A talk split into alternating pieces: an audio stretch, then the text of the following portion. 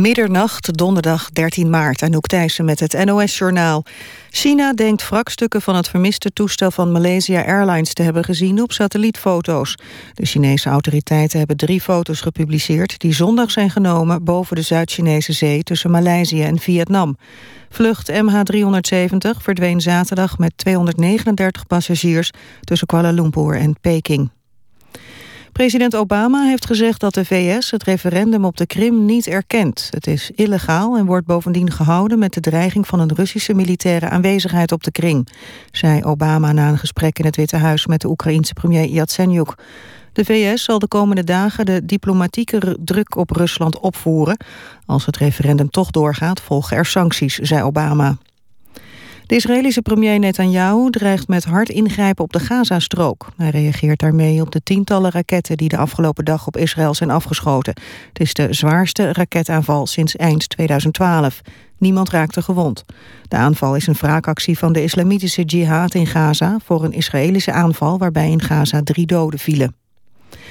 Een zwemleraar van 28 is opgepakt op verdenking van ontucht met drie jongens van 5 en 6 jaar. Volgens de politie heeft hij ze onzedelijk betast tijdens zijn werk als leraar in een zwembad in Velsen-Zuid. Er is van drie gevallen aangifte gedaan. Hoe omvangrijk de zaak is, kan de politie niet zeggen. Voetbal, FC Barcelona en Paris Saint-Germain hebben zich geplaatst voor de kwartfinales van de Champions League. In eigen huis won Barcelona met 2-1 van Manchester City. Paris Saint-Germain won ook met 2-1 van Bayer Leverkusen. De Fransen hadden al een goede uitgangspositie door de 4-0 zegen in de heenwedstrijd. Het weer, vannacht is het helder, lokaal kan nevel of mist ontstaan. Het koelt af tot rond het vriespunt. Morgen opnieuw veel zon, het wordt 14 tot 17 graden. Vanaf vrijdag komt er meer bewolking, gaat de temperatuur omlaag... en vooral zaterdag valt er wat regen. Dan wordt het 10 graden. Dit was het NOS Journaal. Radio 1 VPRO Nooit meer slapen.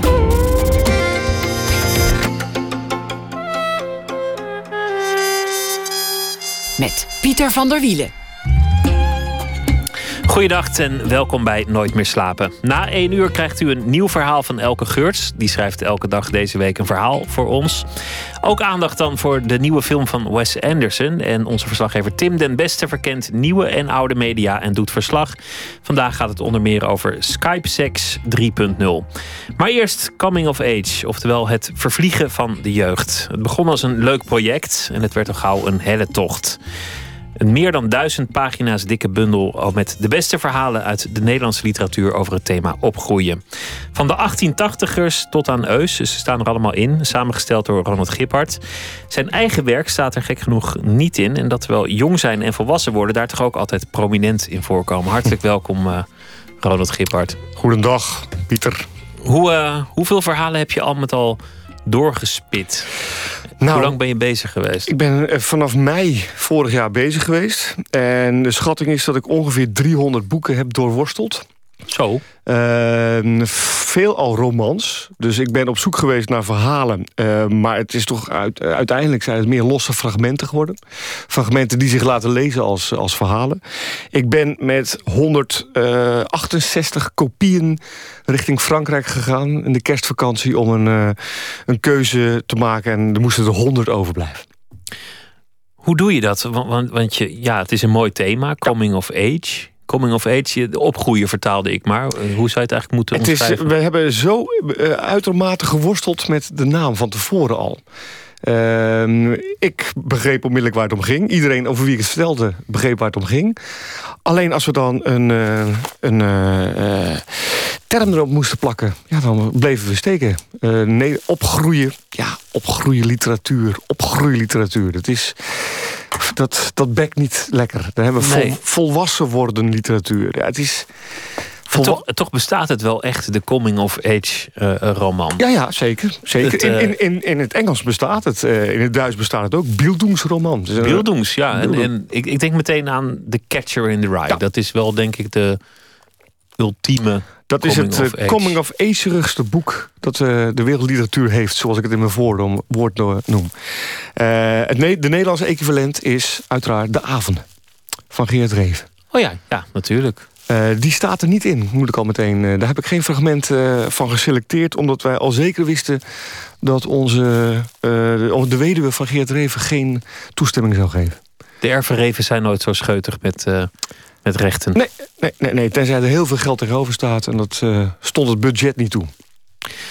Maar goed, je, je, je bent gewoon de bibliotheek ingegaan... of op, op eigen kennis of herinnering aan de slag gegaan? Het begon ermee dat ik, ik dacht aanvankelijk... ach, dat varkentje ga ik wel even wassen. Dus ik had een uh, afspraak gemaakt met de redactrice.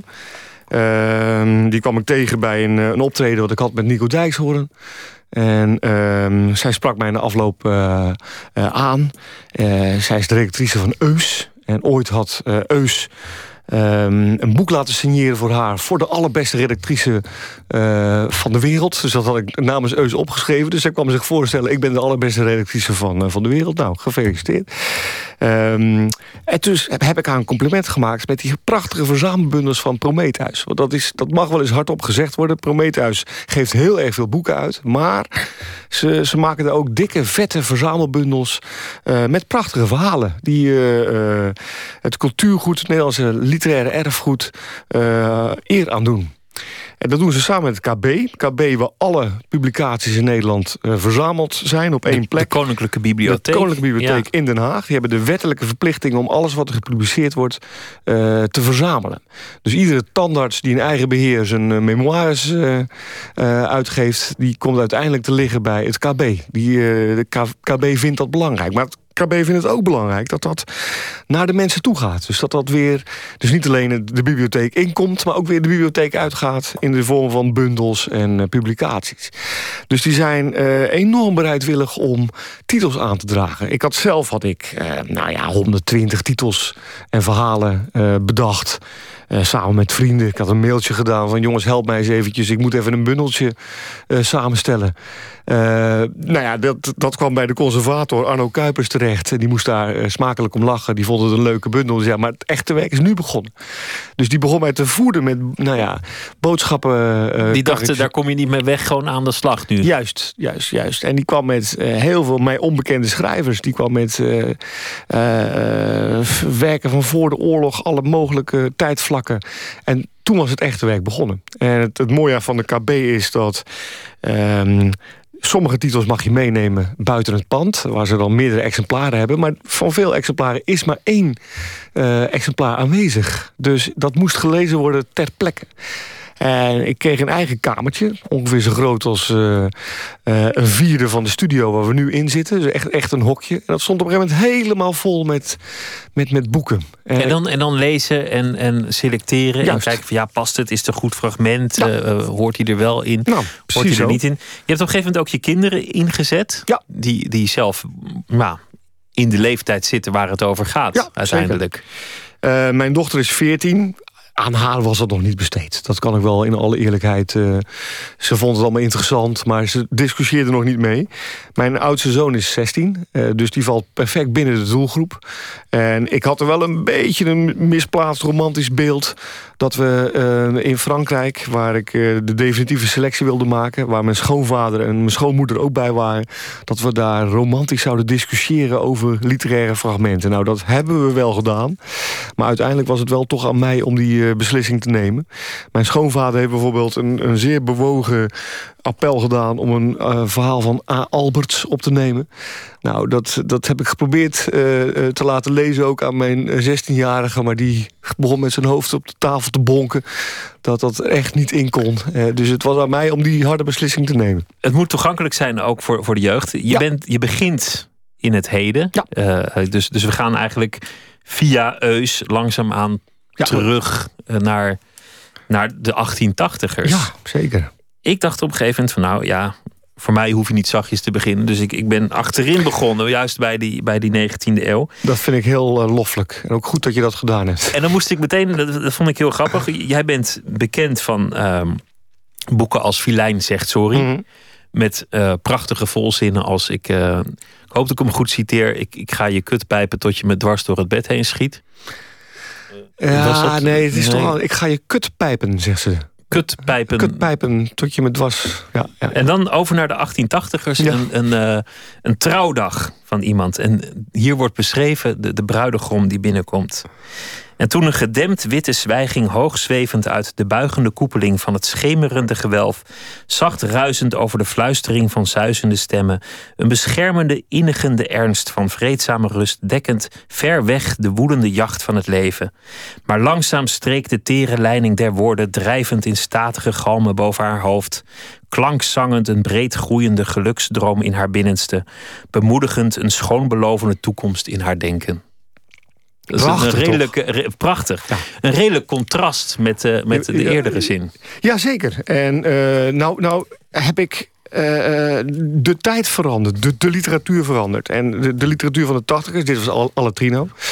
Uh, is een reactie op de literatuur die daarvoor uh, was. Dus uh, schrijvers zoeken middelen om, om zich te uiten. En de tachtigers die zochten het in, in woordplezier, in, in, in neologismes, in, in gegogel. Wat ik trouwens ook, waar ik ook behoorlijk van gecharmeerd ben. Alleen, als we dan kijken naar hoe de taal dan verandert... op een gegeven moment is, is, is het uitgewerkt en moeten er weer nieuwe vormen uh, gevonden worden. Dus je ziet weer als reactie op de tachtigers dat die werden afgezworen. Uh, en dat daar de, de nieuwe zakelijkheid komt, uh, waar, waar, veel afgemeten verteld wordt. Tot er op de nieuwe zakelijkheid weer een reactie komt van vijftigers die weer helemaal losgaan dat in, de, de, het de taal. Het, het, is een literatuurgeschiedenis. Ja. Het is ook een geschiedenis van, van de zeden en de moraal. Want, want opgroeien dat gaat voor een groot deel natuurlijk over het ontdekken van het leven. En dus ook over de moraal in allerlei verschijningsvormen. Ja. ja. Zeker. Van, van de zeer moralistische uh, 19e eeuw. Van, oh jee, ik ben bijna, bijna mijn zedelijkheid verloren. Ja. Via uh, Het leven is verrukkelijk, bijvoorbeeld van Kampert. Van Kampert waren de, de, eigenlijk het amorele hoogtij viert. Misschien wel de meest amorele periode... Uh, die we althans in de, in de literatuur gehad hebben. Uh, de zestigers. De, uh, je moet je voorstellen, stel dat nu een jonge schrijver zou komen... die twee uh, of drie hoofdpersonages opvoert... die in een park een zwerver in elkaar slaan... omdat ze daar gewoon even zin in hebben. Nou, dan, dan, dan, dan begint iedereen met zijn vinger omhoog te roepen... dat de jeugd aan het ontaarden is. Terwijl dit is letterlijk wat er gebeurt in het leven is verrukkelijk. En ik heb nooit gehoord dat dat voor grote problemen... Is, twee jaar geleden is het Nederland leest actie geweest... met het leven is verrukkelijk... En en dat was geen uh, uh, voorbeeld van de, de verloederende jeugd. Sterker nog, ach, het was iets... zo was dat nou eenmaal. Zo was dat nou eenmaal. Het is in die zin, Eus bijvoorbeeld, ons ja. ontzettend leuk boek. Ook een ontzettend leuk fragment. Zeker. De, dat gaat over een, een delinquente jonge, jongere die, ja. die opgroeit toch las ik het en dacht, ja, de, de, de seksuele voorlichting is wat achteruit gegaan in ja, de loop der jaren. Absoluut. Uh, je, je ziet dat er een, een verpreutsing aan het uh, plaatsvinden is in onze samenleving. En dat is natuurlijk een reactie op uh, de vrijheid, blijheid, mentaliteit van de jaren 60 en 70. Um, maar ik merk dat zelf als schrijver ook. Ik ben nu 20, 21 jaar schrijver. 21 jaar lees ik voor op scholen. Ik merk echt dat tegenwoordig op scholen het uh, benauwender, bekrompener en preutser is... dan het was toen ik 21 jaar geleden op school voorlas. En, je, en, dat, en dat reflecteert zich ook in de fragmenten die ik gekozen heb. Er is en, overigens één uitzondering, dat is Wij van Elvis Peters. Ja, over, over schokkende boeken Over schokkende boeken. Dat was zo schokkend dat toen de schrijver bij De Wereld Draait Door... een paar jaar geleden zat, dat zelfs Matthijs van Nieuwkerk... het niet kon opbrengen om uh, in te zien... dat de schrijver van het boek niet de hoofdpersoon... en, en die, dat, dat gaat over jongeren. Ik, ik heb met heel veel liefde een fragment opgenomen. Jongeren die uh, alleen maar provoceren met hun seksualiteit meisjes die bovenop een viaduct hun opengesperde uh, geslachtsdeel laten zien... om in de hoop dat vrachtwagenchauffeurs zich te pletten rijden, wat ook gebeurt. En dan zeggen ze dat vier kutten zoveel teweeg kunnen brengen. ja, dat is de eerste zin. Ja, prachtig. Dus dat is, dat is een beetje een uitzondering op die, op die regel. Een, dat is inderdaad een, een amorele roman. Daar, ja, daar zit ook werkelijk geen, geen lichtpuntje in. Ja, in, in als je het hebt over de, de thema's van, van coming of age, ja. uh, de, de, seksuele moraal, de, de gewone moraal, het afzetten tegen de vorige generatie. Maar, maar er zijn eigenlijk meer terugkerende thema's. Uh, heb je er een soort lijn in kunnen ontdekken? Nou, ik heb toen ik eenmaal de fragmenten had, dacht ik, voordat ik nou een definitieve keuze maak... wil ik toch... Ik, ik wil niet dat ik zes fragmenten over seksualiteit... of zes, zes fragmenten over eh, personages die strijd voeren met hun ouders. Of zes fragmenten achter elkaar van mensen die ontdekken dat de wereld een slechte plek is. Of de wereld een goede plek is. Of je kan daar verschillende hoofdstromingen aanbrengen. Dus zonder dat nou al te expliciet op te schrijven... heb ik wel geprobeerd om een zo rijk mogelijke cocktail te maken... van al die verschillende thema's. En natuurlijk eh, vind, ik, vind ik zelf het onderwerp van ontluikende seksualiteit... of de gefnuikte verliefdheid of uh, het, het verlangen wat niet uh, bestendigd wordt... vind ik heel erg mooi. Maar volwassen worden heeft met veel meer te, te maken dan alleen maar... dat je ontdekt ehm, dat er iets in je onderbroek gebeurt. Het is, het is ook het het afzetten tegen, tegen de wereld. Het, uh, het inzien dat je ouders ook maar gewone mensen zijn... met hun fouten en hun, uh, hun gebreken. He, dat, uh, dat soort verhalen wilde ik er wel allemaal in. Tomeloze ambitie, Neschio bijvoorbeeld. Ja. Het, het, ik ga het helemaal maken. Ja. En naar je vrienden toe gaan en zeggen... nou, kom, kom nog even afscheid nemen, want ik... ik heb mijn, mijn, mijn kaartjes gekocht voor, voor roem en onsterfelijkheid. Dus ja. misschien mogen jullie mee, maar misschien ook niet. Ja, dat hoort, dat hoort ook bij... Uh... In de wetenschap dat het uiteraard toch allemaal ook zal mislukken. En uh, uiteindelijk uh, de personages zich zullen ankereren aan de wereld. Zoals, zoals het gaat met, met mensen die vol vuur de wereld willen bestormen. Hoe eindigt het eigenlijk? Een, een, een goede coming-of-age roman. Is, is daar iets over te zeggen van hoe dat afloopt? Um, dat, dat, dat hangt... Uh, er zo, zoveel schrijvers, zoveel eindes. Uh, eh, kijk, bij het selecteren, nou ga, nou ga ik even uit de school klappen. Ik, had, ik moest zoveel boeken lezen dat ik... Het was natuurlijk aandoenlijk om bijvoorbeeld van AFTA van Heijden... de hele tandeloze tijd uh, te gaan lezen voor één fragment van rond de tien bladzijden. Dus wat ik wel gedaan heb, is dat ik voordat ik een roman ging lezen... wat ik normaal nooit zou doen, is dat ik eerst eens eventjes ging googlen... Ehm, eh, waar de roman eigenlijk eh, in essentie, althans volgens de recensies over ging. Uh, en dan, ik kwam erachter dat er hele sites zijn waar, waar boeken dusdanig worden samengevat. Waar, waar wij vroeger uittrekselboeken hadden, is dat nu allemaal op internet te vinden. En ik, ik, voor mij ging er een wereld open. Ik kon gewoon per hoofdstuk van sommige boeken zien waar het over ging. En uh, nou ja, als ik zag, de hoofdpersoon is hier vijf jaar. Nou, dat hoofdstuk kan ik overslaan. de, de, hoofdstel, de hoofdpersoon... Uh, is oud en triest en kijkt terug op zijn mislukte leven. Nou, dat, dat past niet in de rijkwijd van de boek. Juist, maar de hoofdpersoon is hier 17 jaar... en worstelt met, met het volwassen worden. Bingo, dat hoofdstuk moet ik even lezen. Dus dat, dat, wat dat betreft heeft Google het, het, het, het, het leven van een bloemlezer... er wel gemakkelijker op gemaakt. Over welk boek heb je het meest getopt of, of het erin paste? Uh, er zijn een paar boeken uh, waar ik lang mee bezig ben geweest. Uh, Gemis van Manon Uphoff. Daar wilde ik per se, daar zaten zulke fragmenten in. Maar dat was, dat was te een te groot fragment. En de fragmenten zoals ik ze wilde selecteren... daar heb ik een herschikking van gemaakt. Wat natuurlijk best wel ver, ver gaat om in te grijpen... in uh, de volgorde die de schrijver zelf heeft gemaakt. Dus daar heb ik lang mee, uh, mee geworsteld. Uiteindelijk is het wel, vind ik, een mooi fragment geworden. Het boek waar ik het meest over getwijfeld heb...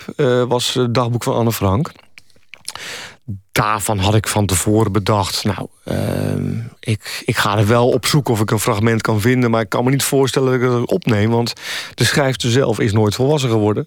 Het is, haar boek is ook niet geschreven als literatuur... of als, als af, afgerond boek.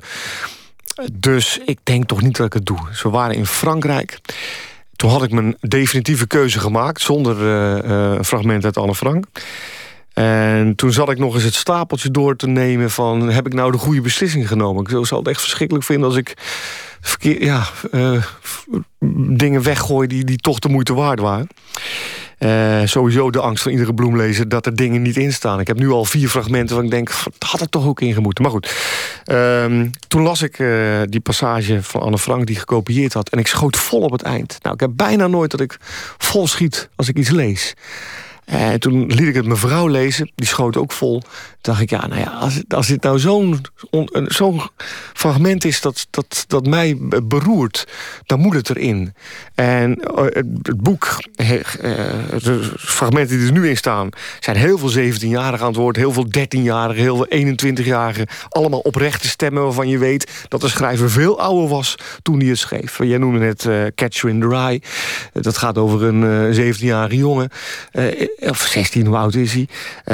de man die het schreef was in de 40. Nou, daar zie je toch al dat nep aan. Anne Frank, haar stem was echt. Dat was echt een meisje van 15 die echt bezig was volwassen te worden in het dagboek dat ze aan het schrijven was. Dus ik dacht, nou, ik wil dat toch belonen door die oprechte stem ehm, eh, op te nemen in de wetenschap dat ze haar uiteindelijke volwassenheid nooit uh, gered heeft. Wat natuurlijk uh, tragisch is, maar het, het is een prachtig boek en ook een prachtig fragment wat, wat erin staat trouwens. Nou ja, het, het laatste gedeelte. Zal, zal ik het voorlezen, ja. het laatste gedeelte? Want dat is... dan blaad ik het even naartoe. Even kijken hoor. Hier gaan we. Het is dus een 15-jarige. Dit is een half jaar geschreven voordat ze waarschijnlijk... waarschijnlijk een half jaar voordat ze dood is. Haar precieze sterfdatum is geloof ik niet bekend, maar... dit, fragment is in ieder geval van, nou blaad ik eventjes... 15 juli 1944. 15 juli 1944. Het is met ten ene onmogelijk alles op te bouwen op basis van dood, ellende en verwarring. Ik zie hoe de wereld langzaamaan steeds meer in woestijn herschapen wordt. Ik hoor steeds harder de aanrollende donder die ook ons zal doden. Ik voel het leed van miljoenen mensen mee. En toch, als ik naar de hemel kijk, denk ik dat dit alles zich weer ten goede zal wenden... dat ook deze vreedheid zal ophouden... dat er weer rust en vrede in de wereld zal komen. Zegt dan een 15-jarige een half jaar voor haar dood. Ja, dat is uh, inderdaad aangrijpend. Ja, en daarom dacht ik, ik dit moet er toch op. Dit moet er toch in. We hebben muziek uitgekozen die uh, te maken heeft met het thema. En, en heel letterlijk, namelijk allemaal liedjes met de titel Coming of Age. Ah. En uh, de eerste is van uh, het trio uit Los Angeles genaamd Faster the People.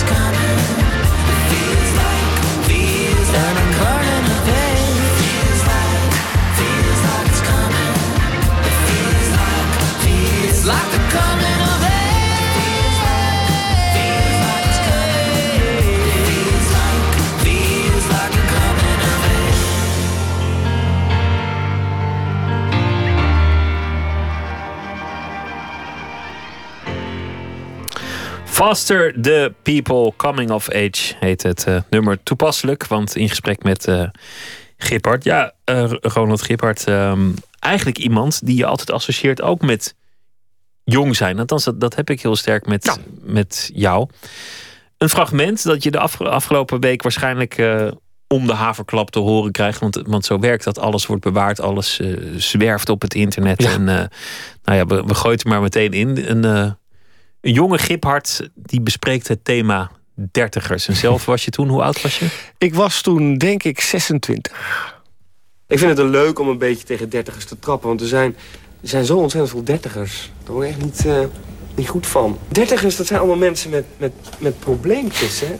Dan, ik, die pubers die zijn natuurlijk, uh, die hebben probleempjes van hunzelf vanwege hun hormoonhuishouding. Nou, dan de dertigers die, die hebben op een gegeven moment gekozen in hun leven. En er zijn bepaalde richtingen op gegaan. En dan met 30 dan komt de tijd dat ze zich moeten gaan afvragen van... heb ik wel de juiste keuzes gemaakt? Terwijl als je 24 bent, nou, dan ben je echt nog in de, in de bloei van je leven. En eigenlijk vind ik de leeftijd tussen 24 en 27 de mooiste leeftijd die er is. Vind je dat nog steeds eigenlijk? Ja, zeker. En uh, ik ben nu 48, dus uh, uh, ik heb nu echt recht van spreken. Al heb ik misschien niet meer dat geaffecteerde uh, taalgebruik dat ik toen had. Tenminste, dat, dat, die stem, ik merk het mezelf. Het lijkt wel alsof ik nou ja, naar een, heel oud iemand uit een oude tijd zit te luisteren.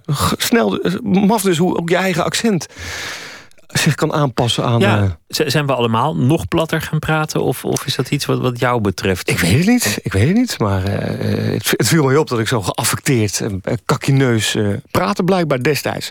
Maar je vindt nog steeds dat 24 tot 27 de leukste leeftijd is. Eigenlijk nou, heb je de leukste tijd gehad. Nee, nee, nee, nee dat, dat heb ik niet bedacht. Grote, je hebt een aantal grote veranderingen in het leven van een mens. Uh, en uh, het eerste daarvan is je puberteit, waarin je gaat afzetten tegen je ouders.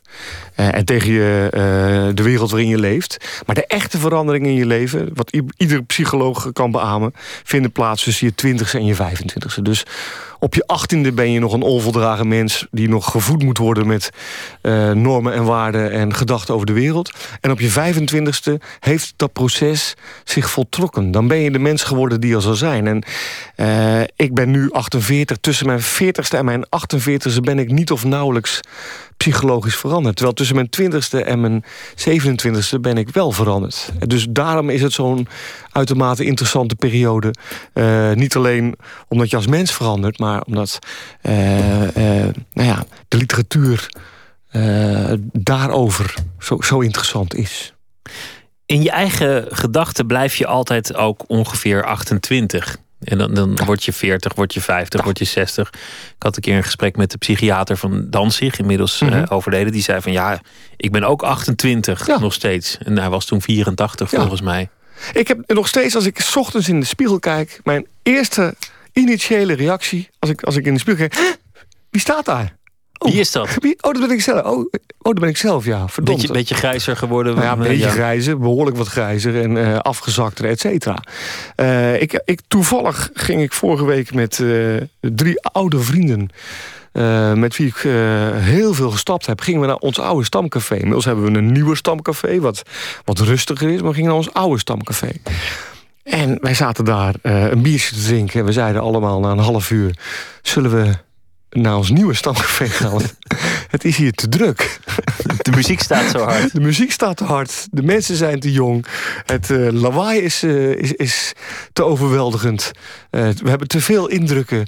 we, we, ga, we, gaan de, de, de kalmte van ons nieuwe stamcafé opzoeken. Je zei net bij Coming of Age hoort ook dat je realiseert dat je ouders ook maar mensen zijn. Ja. Ben je dan nu op een punt dat je denkt... Goh, ik, ik ben eigenlijk precies zoals mijn ouders toen waren? Nou, mijn ouders zijn ehm, zijn allebei dood. Dus ik, ik heb niet meer hun ontwikkeling kunnen, uh, kunnen meemaken. Dus uh, zoals ik over mijn ouders denk, is, dat, is, dat niet, is dat niet veranderd. Ik, ik, mijn, mijn ouders waren erg linkse types... die zich enorm hebben afgezet tegen de generatie uh, daarvoor. Uh, dat hebben ze gedaan door Nederland massaal te veranderen met hun generatie in de jaren 60 en 70. Democratisering, nivellering van inkomsten, seksuele revolutie, uh, et cetera. ik heb mij afgezet tegen mijn ouders door mij op een totaal andere manier af te zetten. Namelijk door me niet af te zetten. Uh, door me niet uh, met hun in discussie te gaan. Door hen tegelijk te geven in alle strijd die ze gevoerd hebben. Wat natuurlijk heel vervelend is als jij strijd hebt gevoerd met jouw ouders. Als dan je kinderen geen strijd met jou willen voeren. Want bij puberteit wordt ook dus niet dat je je als kind afzet tegen je ouders. Maar ook dat je als ouder verwacht dat je kinderen het precies gaan doen zoals jij het hebt gedaan. Maar je, je zegt gewoon van ja, natuurlijk uh, ontzettend gelijk. Ja. Prima, wat jij wil. Heel goed. Links idealen, dat zijn ook mijn idealen. Maar goed, het was... En er vervolgens eigenlijk niks mee doen. En vervolgens niks mee doen. Dus mijn moeder, die, mijn moeder was politica. Uh, die kon zich daar ongelooflijk over opwinden. En, en later heb ik dat met andere schrijvers gethematiseerd. En dat, daar is uh, de generatie niks is, is daaruit voortgekomen. Van, uh, vinden, we vinden het allemaal prima zo. Daar heb, je, daar heb jij toen nog een inleiding voor geschreven. Ja. En, en, nog een soort discussie met, met Mullies. Die zei we waarom gaan jullie niet naar Irak was het toen, geloof ik, of, of, een, of een ander probleemgebied. En waarom wij zeiden van, nou, waarom bent u daar niet? Ja, als je het dan zo goed weet. Ja, toen zei hij, maar ik ben al in Cuba geweest. Ze hebben het ding gedaan, nu, nu zijn nou, jullie aan de beurt. Ja, ja nou, toen zeiden wij, god, uh, en hoe is het nu in Cuba? Kijk, ik, uh, ik ben helemaal geen tegenstander van maatschappelijk, maatschappelijk betrokkenheid of engagement. Ik vind, uh, vind alleen niet dat dat een al te grote rol in literatuur moet spelen. Maar goed, eh, als je. Als een je dan, andere discussie, dit hoor. Ja, ja, maar als je dan jong bent en hele wilde idealen hebt, dan kun je die tenminste nog verliezen. Ja. dan, dan is dat wat je doet als je ouder wordt. Maar je, je hebt ze nooit echt gehad. Dus dat, dat zal het verschil niet zijn. Eh, mijn, mijn, ik heb zeker wel idealen. Alleen uh, er, is, er is een verschil tussen de idealen die ik als mens heb. En de idealen die, die ik als schrijver heb. Als schrijver heb ik maar één ideaal. Dat is een zo goed mogelijk boek uh, schrijven. En mensen te laten nadenken over de wereld waarin we leven. Dat, dat zou mijn ideaal als schrijver moeten zijn. Um, en dat ideaal ben ik ook nog niet verloren hoor. Nee, mooi. daar gaan we ook nog over spreken. Over jouw, jouw literaire idealen. Over, over het, het ouder worden. Ja. Um, het afsluiten van fases, dat, dat hoort er ook bij. Is, is dat iets, iets wat je op een gegeven moment ook bewust hebt gedaan? Dat je dacht van, nou ja, oké, dit past mij niet meer. Zoals bijvoorbeeld het moment dat je dan een nieuw café neemt. Dat is een vrij kleine beslissing. Ja. Maar dat staat eigenlijk voor iets groters. Ja, zeker. En um, ik, ik heb, ben nog, heb nog wel de illusie dat ik min of meer het leven leid dat ik leidde toen ik nog jong was. Dus toen ik nog studeerde en op kamers woonde. Uh, en gelukkig heb ik een beroep waarin ik dat ook lang kan volhouden. Ik heb nooit met een stropdas om hoeven lopen... en ik heb nooit uh, een baas gehad die mij aan het werk gezet heeft. Dus dat is... Uh, ik zit in een iets makkelijkere situatie. Um, ik, vind, ik vind ook het niet erg dat er dingen uh, veranderen. Mijn, mijn, mijn ouders zijn allebei al overleden. Dus ik ben al uh, wees. En ik ben, nu, ik, ik ben nu vader van drie kinderen. En ik speel ook de rol van, van vader. En ik, eh, waar, ik, waar vroeger mijn sympathie a priori lag bij pubers... en bij obstinaten en bij studenticozen... ligt nu mijn rol bij ouders, bij opvoeders. En waar mijn vader vroeger altijd tegen mij zei... als ik ergens iets ging, doe je voorzichtig. Wat ik toen ja, wel aandoenlijk vond... maar me niet altijd veel aan probeerde te houden... is nu mijn vaste uitspraak naar mijn zoon. Als je gaat stappen, doe je voorzichtig. Maar is dat niet een soort gespletenheid? Dat je als je jezelf ziet als een jonge man eigenlijk... Mhm. en, en in de spiegel toch elke keer schrikt van... oh, ik, ik ben niet die jonge man... En dat jij toch in, in de ogen van die jongeren, hoe graag je dat ook niet wil zijn, wel gewoon een, een, een oude lul bent. Ja, zeker. Maar daar vecht ik ook helemaal niet tegen hoor. Ik, ik, als uh, jonge mensen mij. Uh, uh, dan uh, bied ik beleefd aan dat ze me mogen tutoyeren. Maar als ze dat niet doen, heb ik daar geen enkel probleem mee. Nou, dat vind ik ook een omslagpunt, want dat is rond mijn dertigste is dat uh, laat je gekomen. Laat je, dat je daar niet van. en, en kijk, als je Nederland onderverdeelt in jong en oud. Dus we nemen alle Nederlanders, alle 16 miljoen Nederlanders... en we doen jong en oud. Twee groepen. Dan ligt de grens bij 32. Dus uh, iedereen onder de 32 is jong en iedereen ouder dan 32 is, uh, is oud. Nou, de, vervelend voor 31-jarigen dat dat moment eraan zit te komen... vervelend voor 33-jarigen. Maar als je dan eenmaal ver in de 30 bent... dan moet je accepteren, ja, ik hoor tot de ouderen van Nederland. Bij de VPRO is geloof ik nog, nog iets ruimer. Dan ben je, ben je tot je 40ste geloof ik jong. Ja, ja. maar dat heeft met de VPRO te maken. We hebben een, eh, een fragment, nog eentje. Die, die, die, die vond ik heel leuk. Dit gaat over de, de jonge gip te gast bij, bij Sonja Barend. Zou ook kunnen gelden als een korte cursus. hoe verkoop ik een boek? Maar, maar het is een leuk fragment vooral. Um, ja, ik zei uh, dat jij wel populair bent bij jonge mensen. Dat is ook zo. Waarom denk je dat ze jou zo ontzettend graag willen lezen? Um, ik denk uh, omdat ik uh, zelf nog vrij jong ben. Ik schrijf over deze tijd, de jaren hm. negentig. Ik ben niet vies van humor. Ik, ik, vind het leuk om mijn verhalen te doorspekken met grappen. En ik mag graag over zeg maar seksueel bungee jumpen schrijven. Over wat? Over, over uh, verliefdheid en liefde en seksualiteit. Wat, wat zei nou? Seksueel wat? Bungee jumpen. Wat is dat? Bungee jumpen, weet je ja? Oh, dat is van een hele grote... Uh, oh, dat is met zo'n zo'n elastiek... elastiek uh, en dan met seks?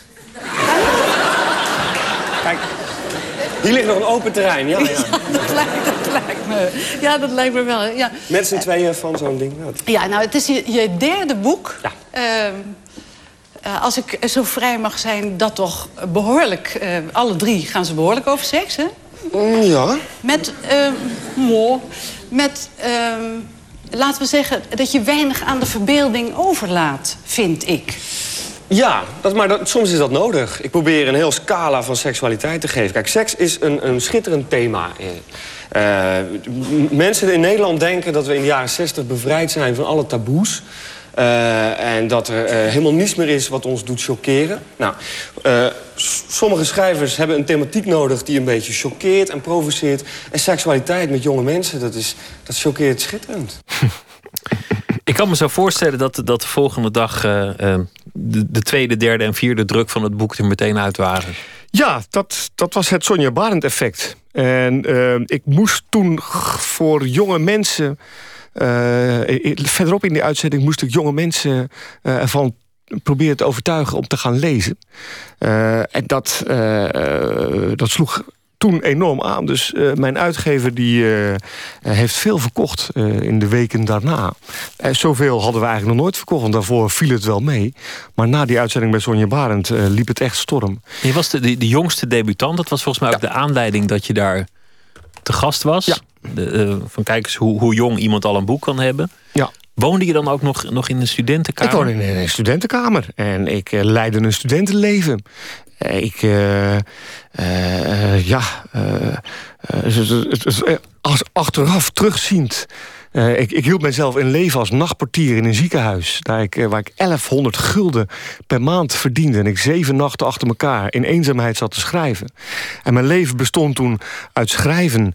En uh, in de weken daar, daartussen naar het café gaan met, met, vrienden. En heel veel lezen. Het was een, ik heb, daar, dat was een fantastische periode. En, en, en, het mooie was, ja, je, je vroeg er net naar... dat op een gegeven moment dus ik succes kreeg met boeken. Nou, dat is dat, dat plotseling ik mijn, mijn baan in het ziekenhuis kon opgeven door de boeken die, door de boeken die ik geschreven had. Nou, dat was een, een, een rijkdom. Uh, waar ik toen echt van zat, stond te stuiteren. Van wauw. Dat, dat, is een punt ook wat een hoop, dat een hoop schrijvers niet zullen bereiken. Dat, dat, het, dat je ervan kan leven. Nou ja, ik, uh, overigens uh, is het natuurlijk nu leven in veel moeilijkere tijden in het boekenvak.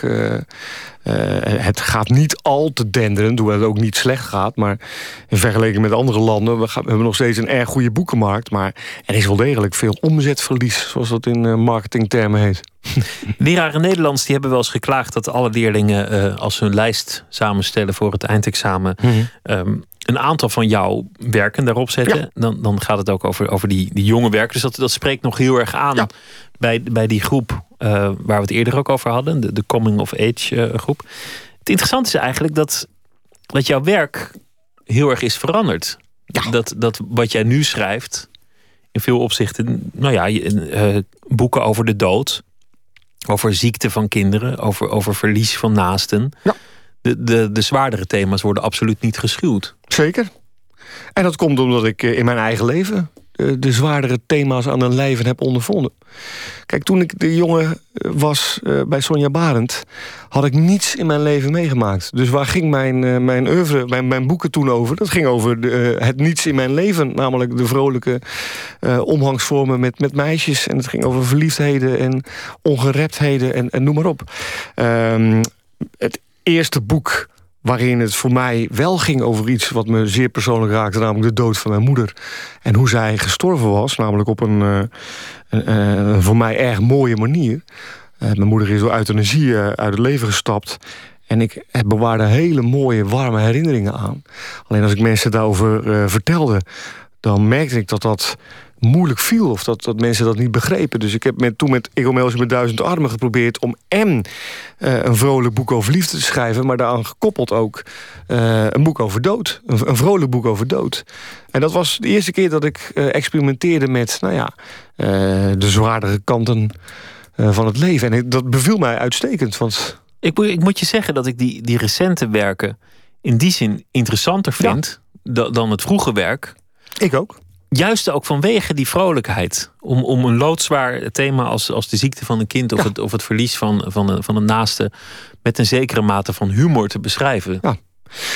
Ja, nou dat is, dat is uh, ik vind het ook. Uh, hoe, hoe plezier ik ook heb aan het herlezen van mijn, mijn vroegere boeken... Uh, herlees ik mijn huidige boeken met veel meer plezier. een boek als IJsland uh, waar het gaat over drie cabaretiers... Waarvan één een, uh, van wie één een, uh, een ziek kind heeft... En hem het lachen letterlijk vergaat. Hij niet meer het kan opbrengen om op een podium te gaan staan... om grappen te gaan maken. Uh, nou, dat... Uh, ja, uh, ik, ik heb zelf een ziek kind gehad. Mijzelf op een gegeven moment de lust om grappen te maken vergaan. En dat kwam weer terug toen op het moment dat mijn zoon weer beter werd. En inmiddels is hij zeven en is het een van de meest grappige jongetjes die ik ooit ontmoet heb. Uh, maar dat, uh, um, dat, dat gevoel is, is, is, gaat voor mij dieper dan uh, gevoel uit van, van vrolijke pornovalen uit mijn begintijd. En toch is het ook realistischer in, in een bepaald opzicht, omdat heel veel mensen, wat, wat ik hoor en wat ik ervan meemaak, het is natuurlijk heel intiem, dus je bent er ook nooit bij als mm -hmm. iemand anders doodgaat, anders dan in je eigen mm -hmm. naaste omgeving. Dat humor daar ook heel erg juist bij hoort. Ja, Zeker. En dat wordt in veel films en, en boeken nog wel eens vergeten. Dat het ook ja, op een gekke manier grappig is. Ja, nou ja, kijk. Uh, ik heb twee belangrijke sterfgevallen in mijn leven meegemaakt. Die van mijn moeder en die van mijn vader. En ik, uh, ik dank de schepper in wie ik niet geloof... Uh, dat we humor hadden om uh, verlichting te geven aan het leed. ik heb heel erg hard gelachen met mijn zus... op het bij het sterfbed van mijn moeder. en na het sterven van mijn moeder hebben we ook keihard gelachen. Mijn moeder kwam uit een ziel om het leven. En dat was een, een dood die nogal omstreden was. Want in die tijd uh, hadden we met wilsbekwaamheid te maken en weet ik veel. Dus er, kwam iemand van de politie, die moest naar aflopen. Een rechercheur moest zich melden, want het was een onnatuurlijke dood geweest. En die man die kwam binnen en die stelt zich voor en die heet Van de Kerkhof. Nou, dat was de juiste naam op het juiste, op het juiste moment... om daar ontschaterend over de grond uh, doen rollen. Uh, en ik... kijk, ik ik heb jou net voor de uitzending een verhaal verteld. En ik, ik wil het je met alle liefde vertellen, wat, nog een keer vertellen. Wat is ontzettend leuk. Ja, over, over de verfilming, de verfilming van, van, het van, van, van uh, Ik omhels je met duizend armen. En het is, ik, ik vertel het ook wel eens bij lezingen. Uh, als ik eerst vertel over de dood uh, van mijn moeder en euthanasie... dan merk ik aan de zaal dat daar... Uh, wat krampachtiger op gereageerd werd. En dan, dan, dan vertel ik dit verhaal, namelijk dat het boek verfilmd werd door Willem van der Zanden Bakhuis. Een geweldige regisseur die van tevoren kwam. Ronald, ik wil, uh, ik wil je boek verfilmen. Ik zeg, Willem, je mag aan de slag. Maar één ding, ik wil dat je de euthanasie van mijn moeder... van, van de moeder van de hoofdpersoon... verfilmt zoals het in het boek staat. Want hoe vaak gebeurt het niet dat je als schrijver... een scène terugleest die veel te, veel te zwaar is... en, en veel te uh, naar de hand van de regisseur gezet is. Hij heeft me beloofd, Ronald, ik, ik ga dat verfilmen zoals het in het boek staat. Maar ja, toen gebeurde het tragische. Dat Willem van der Zalm Bakhuizen zelf ziek werd. En uh, mij toen vroeg Ronald, mag ik het verhaal van jouw moeder toch gaan omvormen tot mijn eigen verhaal. Ik heb hem uiteraard, uh, want de dood gloorden, heb ik hem die toestemming gegeven. En toen kwam het moment dat ik naar de set toe moest om een, om, om een scène mee te maken... waarin toevallig de moeder van de hoofdpersoon met een spuitje uh, om het leven gebracht zou worden. Dus ook een verschrikkelijk emotionele scène, omdat ik het net had meegemaakt. De regisseur is stervende. de regisseur is stervende. Er moet een scène verfilmen waarin een moeder stervende is... in het bijzijn van de schrijver die dat vijf jaar daarvoor heeft meegemaakt. Nou, hoe idioot kan je het krijgen? Nou, dat was een zwaar beladen moment toen die eerste opname geschied was, dus de moeder nam afscheid. Eh, er stond een zoon die ook nog eens wat mij moest voorstellen. En een meisje dat mijn zus moest voorstellen. Die namen afscheid. Uh, liefdevol. En de arts gaf die moeder het spuitje. Nou, rillingen bij iedereen, tranen, emoties. We omhelzen elkaar. En dat was een diep emotioneel moment. Maar film is dat het daarna nog een keer moest gebeuren. Dus bij opname 2, wederom die emotie. Een iets wijder shot. Iets wijder shot. Lampjes op, stond verkeerd. Opname 3, uh, eh, een, een, een close-upje. Opname 4, opname 5, opname 6. En op een gegeven Microfoon in beeld, uh, iets te laat. Uh... Was het niet meer emotioneel. We hadden allemaal al 30 keer die emotie meer. En toen, toen was, het, was het weg. En toen ben ik vervolgens... Ben ik, ehm, dat, je hebt daar een gedeelte, heet de videofeed. Dus dan wordt er bekeken wat er op de set gefilmd wordt... zonder dat je het geluid kan horen. Ben ik daarbij gaan zitten en ben ik voor de mensen die daar zaten... als een soort voice-over de stem van, van mijn moeder gaan, gaan dubben. Dus dan, dan zag ik mijn moeder in beeld, pratend naar een jongen die eh, mij moest voorstellen. En ben ik haar stem eronder gaan, gaan nabouten. Dus uh, Ronald, wat ik nog wil zeggen, uh, je echte vader. En op dat moment kreeg ze een spuitje en, en overleed Of Ronald, wat ik nog wil zeggen, uh, het zwarte geld, dat heb ik verstopt. het, is ook een, het is eigenlijk een soort verwerking. Dat is een verwerking. Dat was echt therapie. En Willem die kwam erbij staan, want die hoorde dat er gelachen werd. Dus we hebben de banden teruggespoeld. En toen hebben we dat nog een keer gedaan met 70 man eromheen. En dat gaf zo'n enorme bevrijding. En we hebben zo ontzettend staan schateren daar in de wetenschap dat Willem uh, het een paar maanden later zelf aan een lijve uh, zou ondervinden. Hij heeft die film nog net afgemaakt. En, uh... ja, ja, en op zijn, hij, hij overleed geloof ik mij op een zondag. En zijn ene laatste film ging woensdag in première destijds bij het Nederlands Filmfestival. En die heette, ironisch genoeg, Leef. We gaan luisteren naar nog een, een nummer met de titel Coming of Age van Milo, dit keer uit België.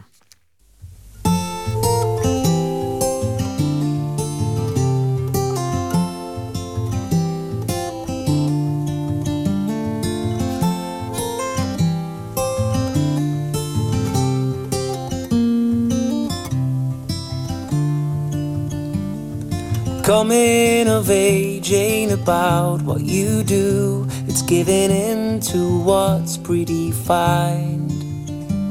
When you trade all your dreams for compromise, it is never what you have in mind.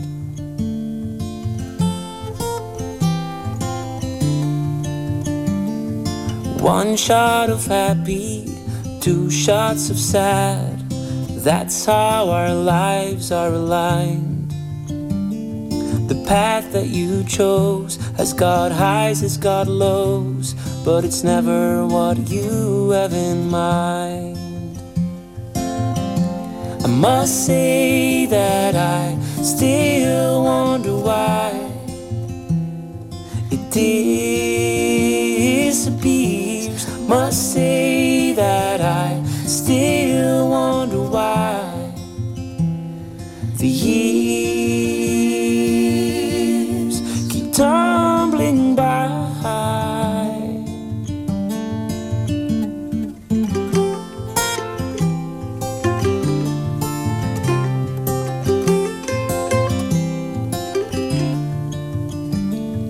Coming of age ain't about who you meet, it's about the people who Your brothers, your parents, your lovers, your friends. It is never what you have in mind. And one shot of happy, two shots of sad. We know we might run out of time. But when it comes to living, dying's the easy part not exactly what you had in mind. I really doubt that I'll find out why this disappears. I really doubt that I'll find out. what these years are all about.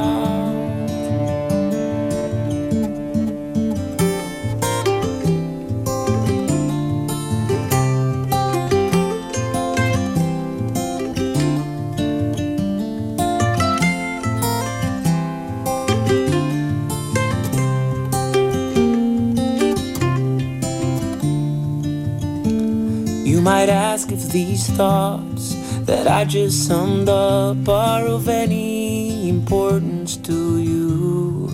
Maybe not, but when things don't turn out like you planned, it helps to know that they never do. Besides, if each shot of happy comes with only two shots of sad, then coming of age is not so bad then coming of age is not so bad.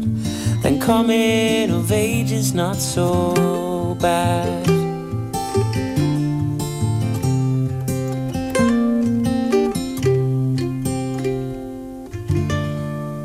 Milo heet hij. Ik zei, ik zei Milo. Dat, dan krijg je op een gegeven moment als je, als je oud wordt... dat je niet meer weet hoe al die bands heten. Milo. Um, we hadden het net over dat, dat jouw werk serieuzer uh, is geworden. Dat, dat, het, dat het niet meer, uiteraard niet meer is wat het in het begin was. Wat wel nog blijft, is dat je altijd een soort afkeer lijkt te hebben gehad van het serieuze schrijverschap en, en alles wat daar omheen hangt. die, die, uh, wat, die plechtigheid van de, van de literatuur, daar, daar verzet je je nog onverminderd tegen. Ja, ja kijk, uh, schrijvers hebben er een handje van om zich interessanter voor te doen dan het, dan het is. En het, uh, de, de, schrijverschap op te pijpen met allemaal mooie romantische denkbeelden. En dat, die, doen het, die doen het goed. Maar uh, het komt erop neer dat je als schrijver gewoon naar je werk gaat... en s ochtends uh, je computer aanzet en begint met schrijven. Ik vind het, eh, het publiek is ook meer geïnteresseerd in schrijvers die zich romantisch gedragen... dan schrijvers die het als een beroep zien. Als ik bij lezingen, dat, dat merk ik gewoon... vragen mensen hoe werkt dat nou, het schrijven... dan moet ik aan vertellen hoe het met kaartensystemen en uh, dat soort dingen. Dat mensen teleurgesteld zijn als ze horen dat het gewoon... Uh, een 9 tot 5 baan kan, zou kunnen zijn. Je bent zelfs zo ver gegaan om op een gegeven moment het publiek actief te betrekken bij het, bij het proces. Ja. Erg van deze tijd, zou ik kunnen zeggen. Mm -hmm. de, via Twitter en Facebook mochten mensen dan uh, suggesties aandragen van hoe kraakt sneeuw. Of wat voor woord zou ik hier gebruiken? Of ja. welke, welke wending ja. kunt u het nog volgen?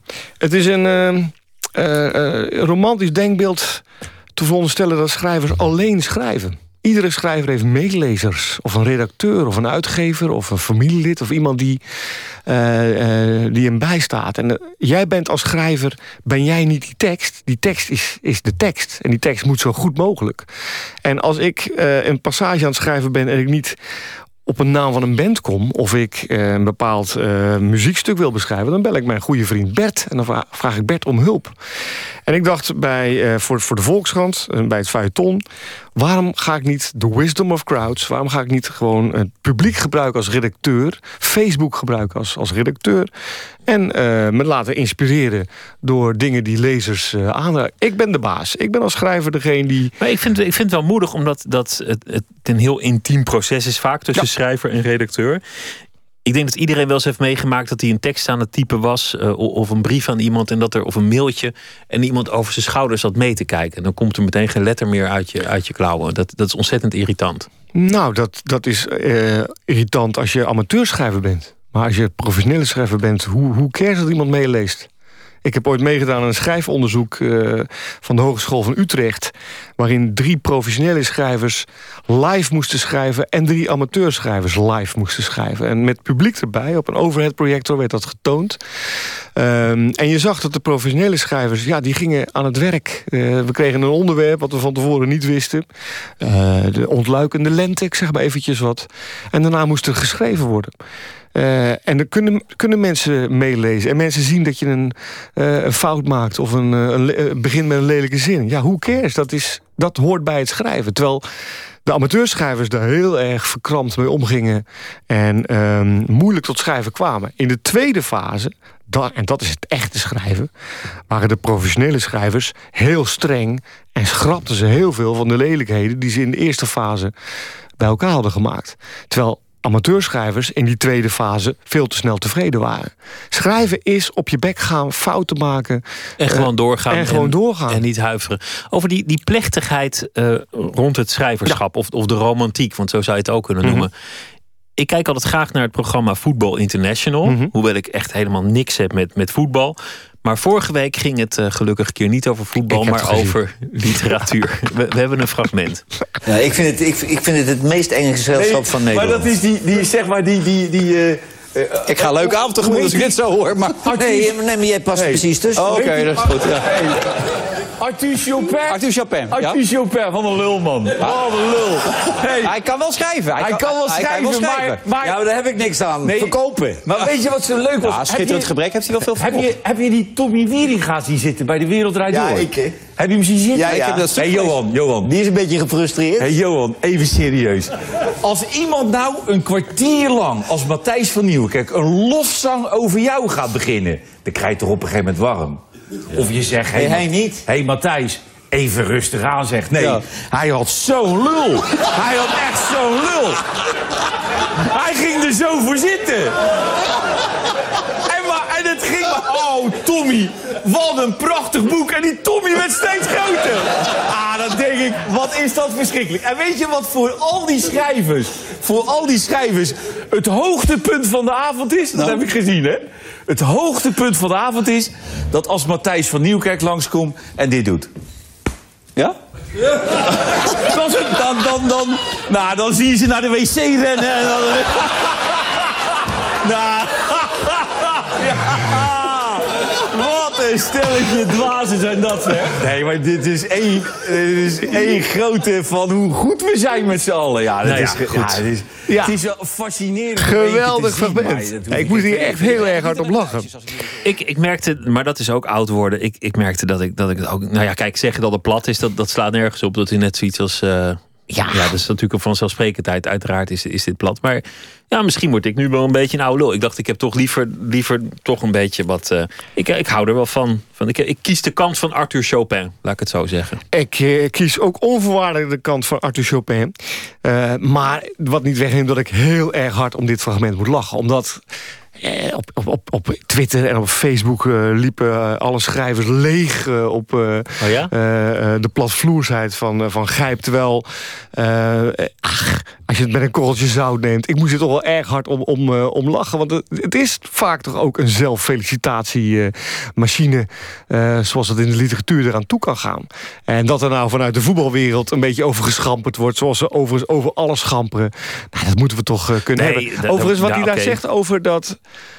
Matthijs van Nieuwkerk op het boekenbal dan rondloopt... en schouderklopjes uitdeelt en dat mensen dan, dan, dan gloeien. Dat kan je letterlijk zien, maar dat kan je natuurlijk ook overdrachtelijk zien. Dat het nog steeds voor een schrijver heel belangrijk is... om bij De Wereld Draait Door eh, met een boek in de hand eh, eh, te mogen zitten. En dat dat de verkoop ook echt eh, bevordert. En dat iedere schrijver daar graag zou willen zitten. Mijzelf in kluis, want dat, daarmee verkoop je gewoon extra boeken. Dat is, dat is ontegenzeggelijk waar. Nou ja, weet je, de, de kern is uiteindelijk dat. dat eh, ik bedoel, niet, niet om nou moralistisch te doen of, of, of, of snobistisch. Er, er valt veel plezier te beleven aan de literatuur. Ook, Absoluut. ook aan dat dikke boek wat jij hebt gedaan. En, Zeker. en ja, als mensen dat niet zien, dat, dat moeten ze helemaal zelf weten. Maar dat is toch eh, zoiets als eh binnen blijven op een dag dat de zon schijnt. Maar ter verdediging van Gijp. Want eh Gijp was het jaar daarvoor, was het jaar daarvoor naar het boekenbal geweest. Dat boek over Gijp, dat is een geweldig boek, hè? Dat is echt een geweldig boek. Ja, dat, Ik ben de enige in Nederland die het niet gelezen heeft. Ik, ik, maar het dédain reden. waarmee Gijp behandeld is... Dan, nou ja, laat hem één tik een keer teruggeven in zijn programma. Ik, ik kan daar echt niet mee zitten. Ik eigenlijk ook niet. Ik vind het prima. Iedereen, eh, iedereen doet maar lekker. Dankjewel. Eh leuk dat je te gast wilde zijn.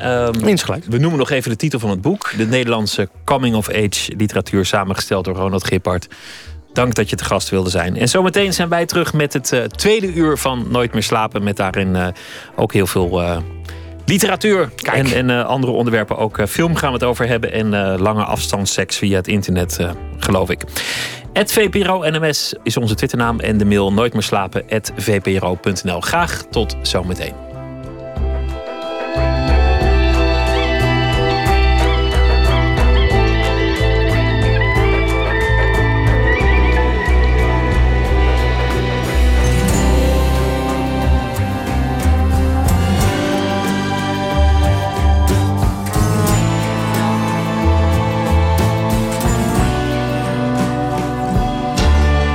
Radio 1, het nieuws van alle kanten.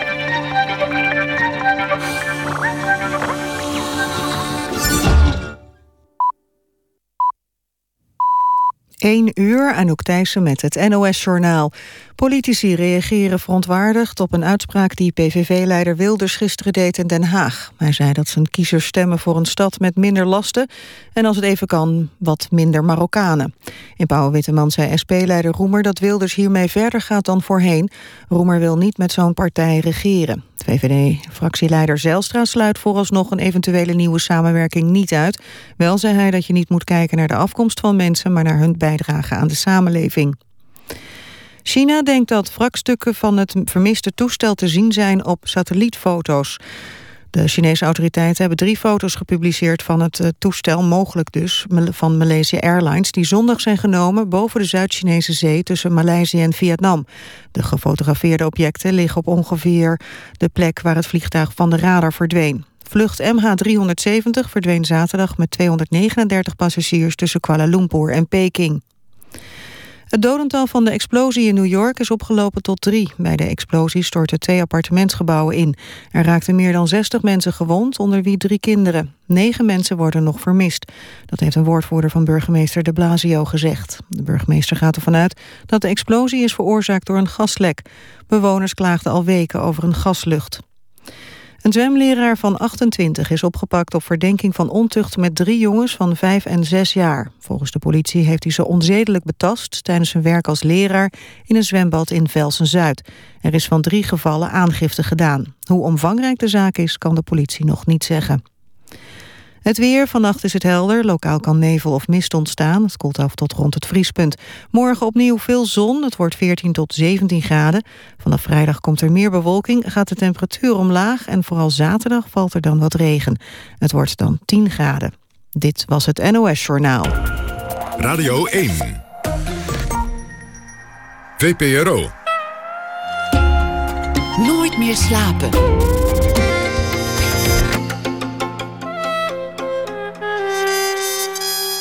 Met Pieter van der Wielen.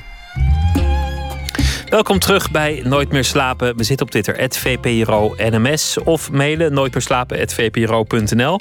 Straks gaan we het hebben over de nieuwe film van de Texaan Wes Anderson. En die film heet The Grand Budapest Hotel. En Tim den Beste komt langs met uh, zijn overzicht van wat uh, nieuw en belangrijk en leuk is in de oude en de nieuwe media. Maar we beginnen met het verhaal dat elke dag voor ons wordt geschreven deze week eh, door onze schrijver uh, Elke Geurts. Zij is uh, schrijver van onder andere Lastmens en haar roman De Weg naar Zee. Goeienacht, Elke. Ja, goeienacht. Hi. Waar wil, je het, waar wil je het over hebben? Wat is je vandaag opgevallen? Um, ik dacht, laat ik maar eerst deze keer het verhaaltje voorlezen. Ja, dat kan. Dat is, ja? dat is een goede vorm. Ja. Oké, dan begin ik met voorlezen. Het heet Amigo. Terwijl de bijna 100-jarige mevrouw Welles daar lag en nog even probeerde te slapen. Slapen werd hoe langer hoe moeilijker voor haar, maar met wakker zijn had ze tegenwoordig al net zoveel problemen. Luisterde ze naar de afwasgeluiden die uit haar keuken kwamen. Daarna was er het stofzuigen. Over tien minuten zou Amigo naast haar bed staan. Hij was precies zoals zij het hebben wou. Tot nu toe niets dan lof voor de nieuwe hulp. Hij hoefde geen koffie en verdeed zijn tijd ook niet met gezeur. Doortje had jarenlang tegen haar aangekletst. Mevrouw Welles stond bekend als een moeilijke, maar zelfstandige vrouw... die geen genoegen nam met minder. Waarom zou ze? Ze was moeder van zeven grijze zonen... waarvan de oudste al aan het dementeren was. Ook hij was nu zijn rijbewijs kwijt. Ondanks het verlies van haar rijvaardigheid en haar totaal versleten rug... woonde mevrouw Welles nog altijd op zichzelf. Ze had Amigo meteen ingesteld op het dichtsnoeren van haar corset. Niet te los en niet te strak. Dat ging haar goed af. Ook de knopjes van het nieuwe magnetron kon ze makkelijk bedienen. Ze ging met haar tijd mee. De eerste wasmachine was ooit haar huis binnengedragen en later de eerste afwasmachine... Nu was ze de eerste bejaarde van het dorp met een thuiszorgrobot. Amigo, met TomTom-functie. Morgen of overmorgen, als ze eindelijk eens een keer uitgerust was, niet meer zo vreselijk moe in elk geval, zou ze hem achter het stuur zetten en konden ze misschien een stukje gaan rijden. De vrijheid tegemoet. Dit was... eh, Ja, de, de, de thuiszorgrobot, dat zit er natuurlijk uiteindelijk wel aan te komen. Want, want anders redden we het niet met de vergrijzing, toch? Ja, precies. Dat, dat is eh, onafwendbaar. Ja. De, de andere optie is dat, dat, we, dat we onze eh, ouderen exporteren naar een zonnig land waar de arbeid nog goedkoop is. Dat, dat zou ook nog kunnen. Vind ik Ja, ook, ook een ook, aanlokkelijke optie. Ja, maar sommigen zijn er te oud voor. Ja. ja je had een, een paar jaar geleden had je ook in het nieuws, dat- dat vond ik heel schattig, dat, dat leek een beetje op een zeehondje. Dat Ja. was, was een, een, een robotje dat niks deed behalve lief kijken, piepende geluidjes maken. En, en die kon je dan aaien en die hield gezelschap. Oh ja. En, de- en daar waren, ze, waren uiteindelijk de, de mensen in de proef, die, die, Ja. die waren ook al een klein beetje dementerend, die waren er heel blij mee met, met, die, met die aaibare robot. Ja. Wat, wat toch voor de, voor de niet-dementen die er naar kijkt iets droevigs heeft. Maar ja, als iemand er blij mee is, is iemand blij. Ik bedoel, ja, toch? Ja, precies. Dat maakt helemaal niks uit. Dementeren, net zoals dementerenden kunnen ook soms blij eh, worden van een pop. Poppenbaby. Dus de, ja, het heeft iets droevigs. Maar eh, ja, waarom niet? Wa- Was er vandaag iets, iets in het nieuws trouwens over, over de, de, de zorgrobot? Ja, dat stond in een klein eh, stukje stond eronder over de zorgrobot. Maar het ging over eh eh, betaalbare variant van eh operatierobots. Dus ah, we worden, alles wordt overgenomen door robots. Oh ja, dat las ik. Dat, dat ze zeiden zelfs een, een, eh, zelfs een chirurg met, met bibberende handen kan Ja. voortaan de operatie doen. Ja, maar wat dan weer het punt daarvan is, dat hij eh, verleidt tot onnodige ingrepen. Dus dan gaan mensen gaan vaker opereren. Of Die, die robots, dan gaan ze meer operaties doen, waardoor ze dus natuurlijk nog duur, toch duurder worden. Ook al zijn, was het betaalbaar. Ik was gisteren, gisteren toen ik naar huis reed nog, nog steeds gechoqueerd over wat je gisteren vertelde. Dat er, dat er eh, mensen in het onderwijs zijn die moedwillig de CITO-score score van individuele leerlingen omlaag frauderen. Omdat, omdat Ja. ze die leerling niet aardig vinden. Ja, erg hè? Ja, of ik- juist, ja. Of omdat ze daar veel van houden. En denken van ik wil, ik wil niet dat jij een academische carrière tegemoet gaat, want Ja. dat zou je niet bevallen. Die weten, dat, die weten wat het beste is voor leerlingen. Ja, Ja. misschien was dat het wel. Nou ja, in ieder geval, je, je, je hebt een thema opgeworpen dat mij, dat mij toch aardig gefascineerd heeft. Ik ging ook ineens mezelf afvragen van, had ik eigenlijk niet veel betere CITO-scoren? Maar ik weet, ik weet helemaal niet wat voor score ik had en het maakt me ook eigenlijk helemaal geen donder uit. Maar goed, Ja. dat, dat, je, je- Het het is, terugwerkende kracht. je, zult, je zult in veel dingen in het leven nooit weten waarin je precies belazerd bent en waar eigenlijk een complot of een fraude achter zat. Ja, nee, dat is wel veel vaker. Eh, Ik zal gaan verzinnen waar, je nog meer, waar het nog meer gebeurd is zonder dat we het weten. Dat, eh, In, in voormalig Oost-Duitsland gingen toch op een gegeven moment de Stasi-archieven o- open. En dat mensen erachter kwamen dat hun hele leven, hun mislukte liefdes, hun mislukte carrière, allemaal gemanipuleerd waren vanwege één verkeerde opmerking op het werk. ja. ja, en dat kan met ons ook zomaar gebeurd zijn. Ja, in dat NSA-tijdperk, wie, wie zegt dat dat niet zo is? Ja, nee, dat, dat zegt niemand. Dat kan ook. Het komt, we komen er steeds meer achter dat het wel zo is. Ook de kleine berichtjes. We zijn een beetje afgedwaald, maar het was, Ja. eh, het was leuk. Morgen Ja. weer een verhaal. Ik Ja. verheug me daar al op. En ik noem nog even je boek, De Weg naar Zee. Elke Geurts, dankjewel. Goeienacht. Ja. En eh, graag tot morgen. Tot morgen. Dag. Uit Bristol in Engeland komt George Ezra, nog geen twintig. En met vermoedelijk een mooie muzikale toekomst voor zich. Onlangs verscheen deze single, Cassie O.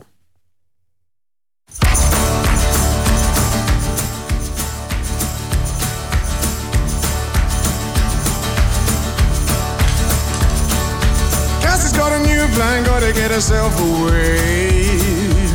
Well, I better act quick, yeah, I better ch- ch- change my ways. Oh, maybe I'm wasting, maybe I'm chasing time. It, I'm only ever lost in mine.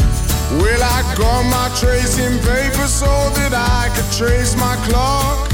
And the bastard face kept changing, and the hands they wouldn't stop. Well, I was ripping out the battery, I received myself a shock. And to add insult to injury, I could still hear tick and talk. Casio,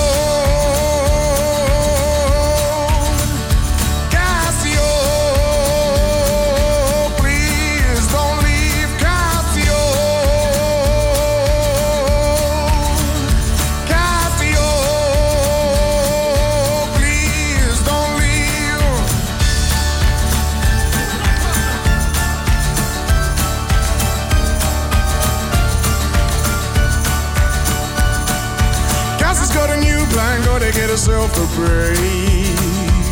And I try, I try, I try for heaven's sake. Well, I traveled to Australia and I traveled there by train. This something might sound strange to you, but on the way I came today. And I wrote to tell my family and I wrote to tell my friends. I arrived home, it was lost again, and this torture never ends. Cassio,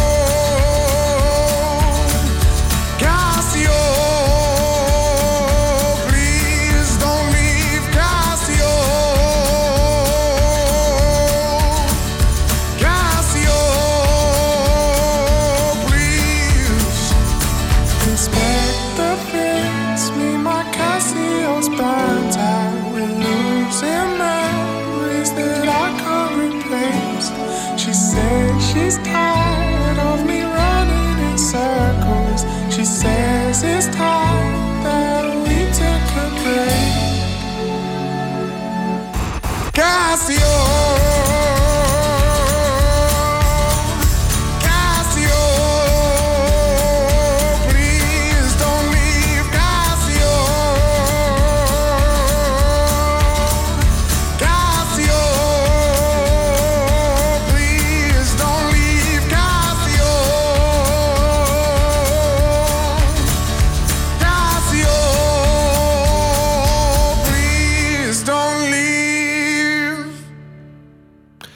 Hij wil echt graag dat ze, dat ze blijft. Cassio, gezongen door George Ezra was dat. En hij is 19 jaar oud.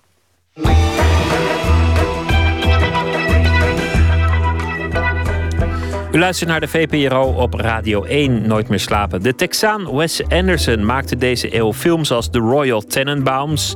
The Life Aquatic with Steve Zissou... The Darjeeling Limited en The Fantastic Mr. Fox. Deze week gaat zijn nieuwe film in première, The Grand Budapest Hotel. De films van Wes Anderson zijn altijd meteen herkenbaar. En dat geldt ook voor deze achtste lange speelfilm. Het is weer echt een klassieke Anderson. Maar wat betekent dat eigenlijk, een klassieke Anderson? Floortje Smit praat erover met filmjournalist Gerhard Busch. Why do you want to be a lobby boy? Who wouldn't? At the Grand Budapest, sir. And so my life began. Junior lobby boy in training under the strict command of Monsieur Gustave H. Many of the hotel's most valued and distinguished guests came for him. I love you. I love you. She was dynamite in the sack, by the way. She was 84. Mm, I've had older. Ontmoet Gustav H. en zijn beschermeling Zero. De nieuwste inwoners in het universum van Wes Anderson.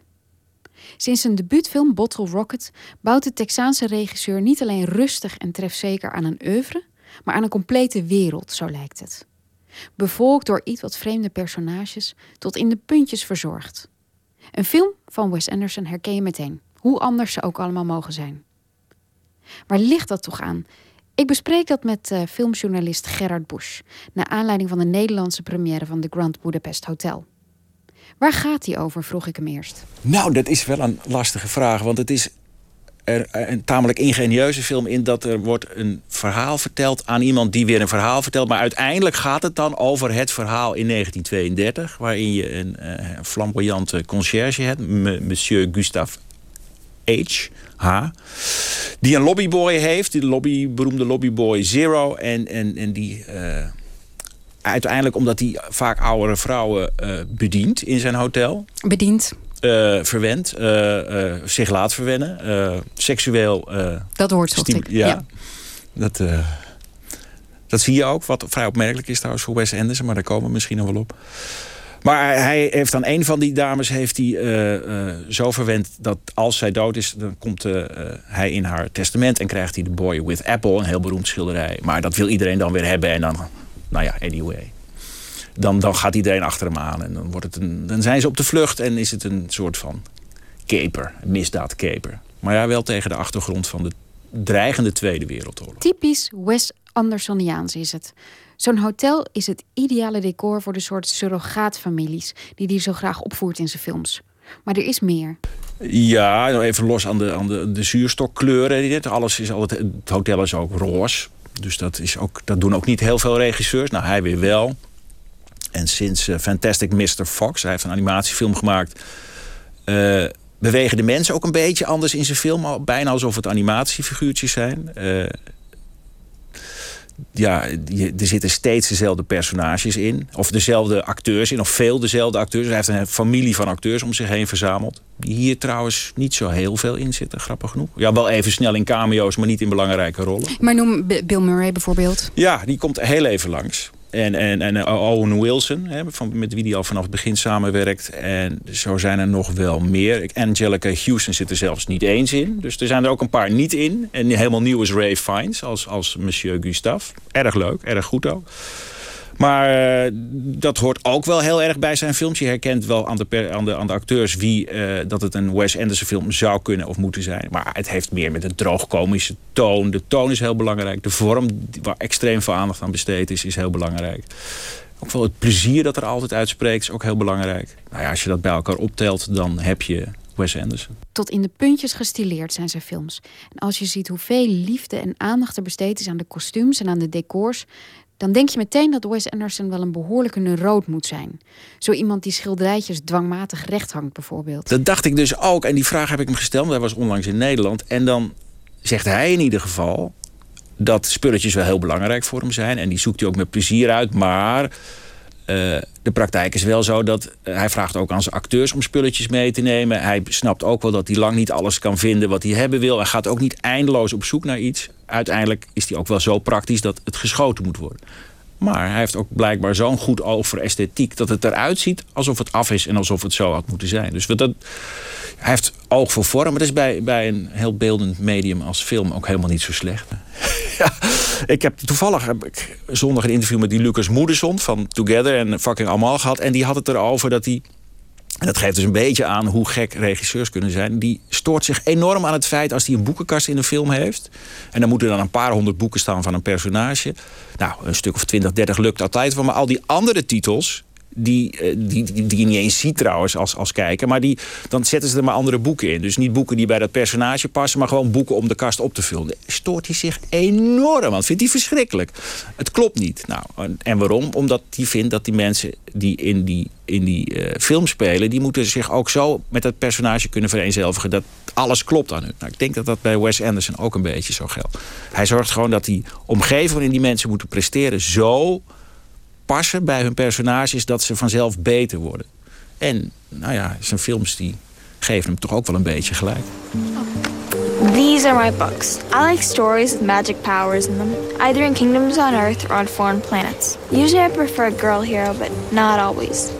I couldn't bring them all because it got too heavy. You can borrow any you want. Thank you. I also brought my lefty scissors because I'm left-handed, some rubber bands, extra batteries. Al die boeken die Susie hier in Moonrise Kingdom laat zien aan haar vriendje Sam, die zijn bedacht. Anderson had makkelijk een eh, stapeltje kinderboeken kunnen halen uit de lokale bibliotheek, maar dat doet hij niet. En zo lijkt het wel alsof zijn films en de manier waarop hij ze tot in de detail vormgeeft en naar zijn hand zet, een poging zijn om de wereld onder controle te krijgen. Alsof hij allerlei kleine subwerelden creëert. De films worden ook heel vaak vergeleken met poppenhuisjes of van die pop-up books. Ik weet eigenlijk niet zo goed wat dat in het Nederlands is, maar die boeken die je openklapt en dan krijg je een soort driedimensionaal effect. Jongensboeken ook natuurlijk. Ja, dat klopt. En je zegt het alsof het weer iets fouts is. Maar ja, dat is gewoon zo. Ja, eh, dat is zijn stijl. En het is geen Scorsese met misdaad en zo. Maar dat is Anderson en zijn eigen werelden. En daardoor is hij ook wel een beetje zo goed als hij is. En zo interessant als hij is. Waarom denk je dat hij dat doet? Want dat moet dan toch, dan, dan zou je ook willen weten of dat van binnenuit komt, bijvoorbeeld. Als je een amateurpsycholoog bent, wel. Ja, ik, ik, ik, Of maakt dat niet uit eigenlijk, de motivatie daarachter? Nee, laten we hopen voor niet. Want Celine heeft, had hele foute motivatie, maar hele mooie boeken geschreven. Dus de motivatie zelf is voor een eindproduct vind ik niet het allerbelangrijkst. Als interviewer vind ik dat overigens wel heel vaak leuk hoor, om te weten. Ik weet niet of het angst is om, om buiten die wereld te stappen. Je kan wel zeggen dat bij deze film, The Grand Budapest Hotel... dat hij voor het eerst wel de werkelijkheid, of de harde werkelijkheid... heeft binnen laten komen in die, in die jongensboeken fantasieën van hem. Dat is misschien wel moedig of een ontwikkeling, ik weet het niet. Maar het is nog steeds eh, vintage eh, Anderson. We- eh, Ik wil het even hebben over jouw favoriete film. Dat is The Fantastic Mr. Fox. Yes. Dat is een stop-motion film, dus Animatie. ja. Animatie. Dus dat is eigenlijk het, toppunt van de wereld onder controle hebben misschien? Ja, dat is, daar, heb je, daar heb je wel een punt. Dat is wel zo, ja. Dan, dan, hoewel hij daar ook wel weer over zei dat het stop-motion ook weer een heleboel dingen niet kunnen. Hij speelt heel graag met, met van die rare camerabewegingen. Dat schijnt bij animatie weer heel lastig te zijn. Maar het zijn geen mensen, dus je kan ze in principe alles laten doen wat je wil. And so it begins. Welcome to the fantastic world of Mr. Fox. Woo! Should we dance? His life is fantastic. Pure wild animal craziness. His wife is fantastic. If what I think is happening is happening, it better not be. His neighbors. Not so fantastic. This is Bogus, Bunce, and Bean, three of the meanest, nastiest, ugliest farmers in his valley. Waarom is het jouw beste? Waarom vind jij dit de beste film? Nou, het probleem bij Anderson, ondanks dat ik het altijd heel fijn vind om naar zijn films te kijken, omdat ik dan even uit mijn werkelijkheid ben. En het, het is ook altijd wel heel vrolijk en grappig. Maar het raakt me niet. En Fantastic Mr. Fox, gek genoeg wel. Het gaat over een vos die zijn streken moet verliezen omdat hij een kindje krijgt. En gaat wonen met een eh vosin, een vrouwelijke vos. En uiteindelijk rijdt hij een keer langs een, langs een wolf, een wilde wolf. En dan, dan pinkt hij een traantje weg. En toen ik het zag, moest ik ook een traantje wegpinken. Omdat het ook een beetje het lot is van een heleboel mensen, mannen, misschien ook wel in het bijzonder. Dat je gedomesticeerd wordt op een gegeven moment. Nou, dat vond ik. En ik had het idee dat dat ook voor hem zo persoonlijk was. En dat persoonlijke, dat zit allemaal wel in die vorm en zo. Maar of het nou echt voor hem emotioneel persoonlijk is, dat moment was volgens mij voor hem emotioneel. En dat raakte mij. En ach, het is gewoon ook een hele lieve, leuke, fijne, snelle, gezellige film. Eigenlijk is dat het bijzondere. Critici mogen misschien zeggen dat Andersons film allemaal façade zijn zonder inhoud. Dat het een sprookjeswereld is, waar niets wezenlijks in gebeurt. Maar het werkt zo goed omdat er emotie inkruipt, soms zelfs zonder dat je het weet.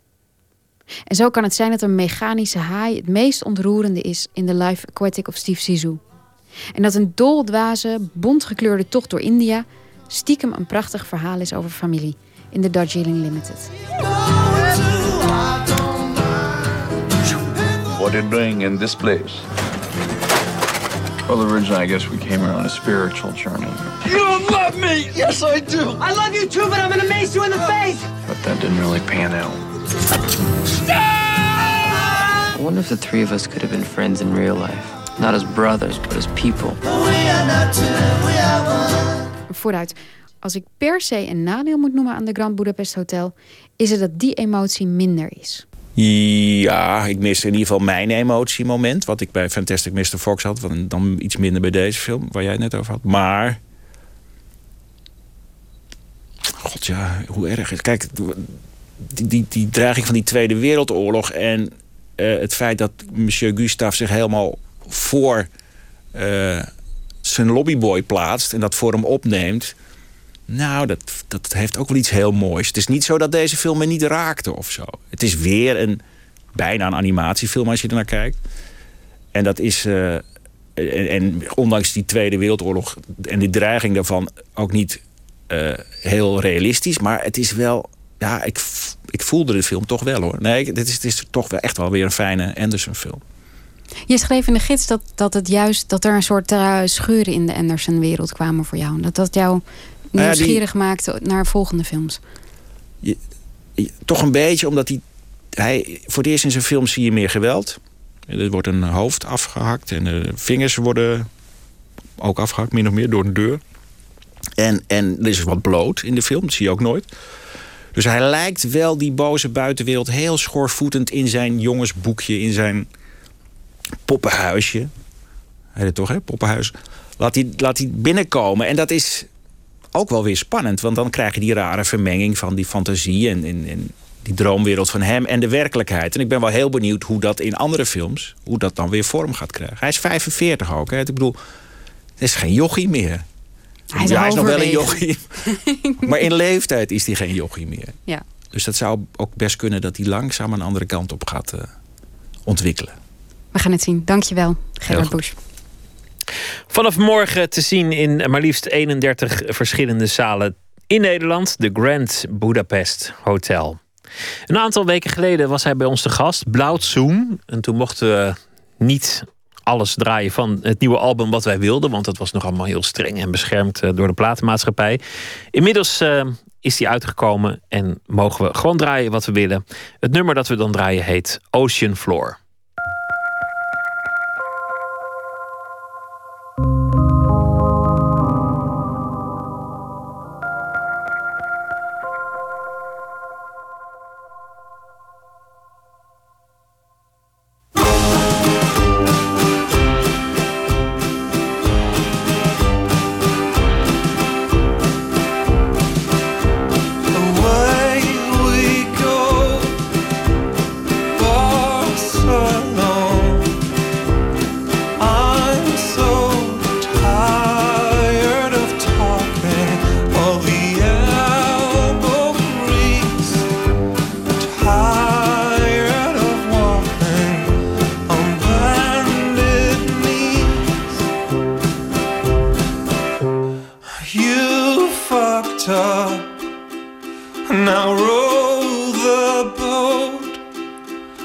safely tired of talking all the allegories. I'm so tired of walking on bended knees.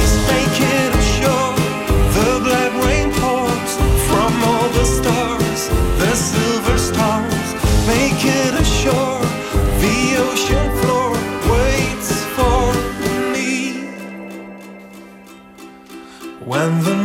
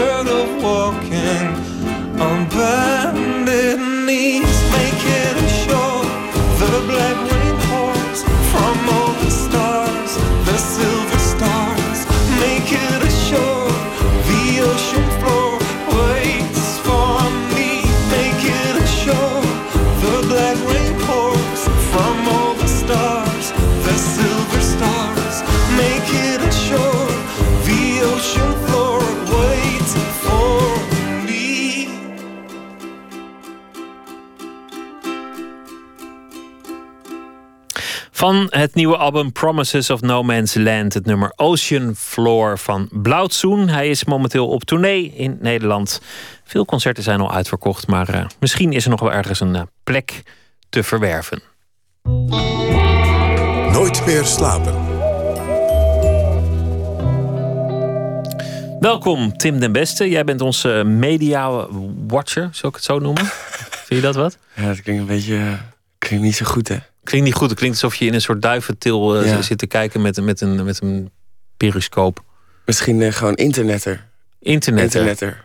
Ja, internetter. Hobby, hobby, hobby internetter. Hobby internetter. nou ja, in ieder geval, wij hebben jou uh, um, gevraagd om, om voor ons te kijken wat er allemaal op het web en, en daarbuiten gaande is. En, en daar wat thema's uit te lichten die die wellicht van interesse zijn voor, uh, voor wie dat wil. Waar wil je het uh, allereerst over hebben? Nou, dat is uh, over. Vorige week begon ik met Eddie Wally. ja. Deze week begin ik met Justin Bieber. Ik hoop dat het oké okay is. Ja, natuurlijk. Ja? Alles, alles okay. is goed. Het is jouw, um, jouw podium. Mijn feestje. Um, want Justin Bieber die moest.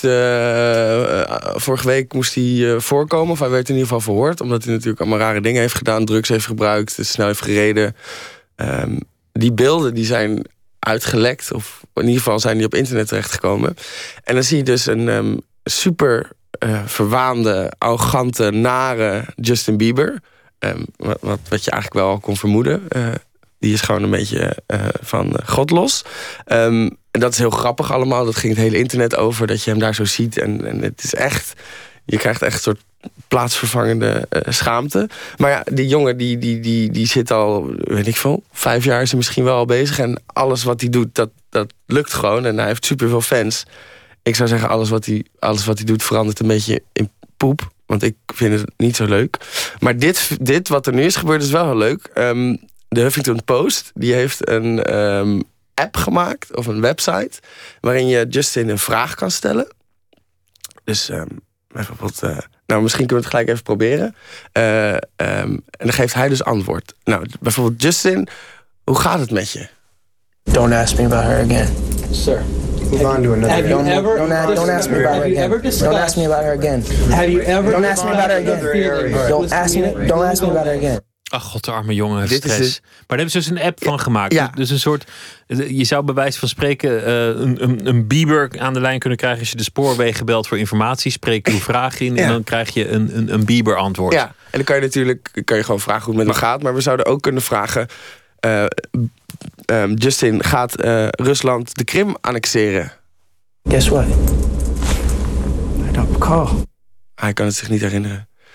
Maar, maar is, is iedere vraag mogelijk? Want dat, dat is nog best wel knap geprogrammeerd. Dan. Nee, nou, het is natuurlijk gewoon een, een soort random ding. Ik heb mijn vraag ook in het Nederlands zitten intikken. Waar, waar, waar vind je, waar vind je de, de Bieber-app? Ehm, op de website van de Huffington Post.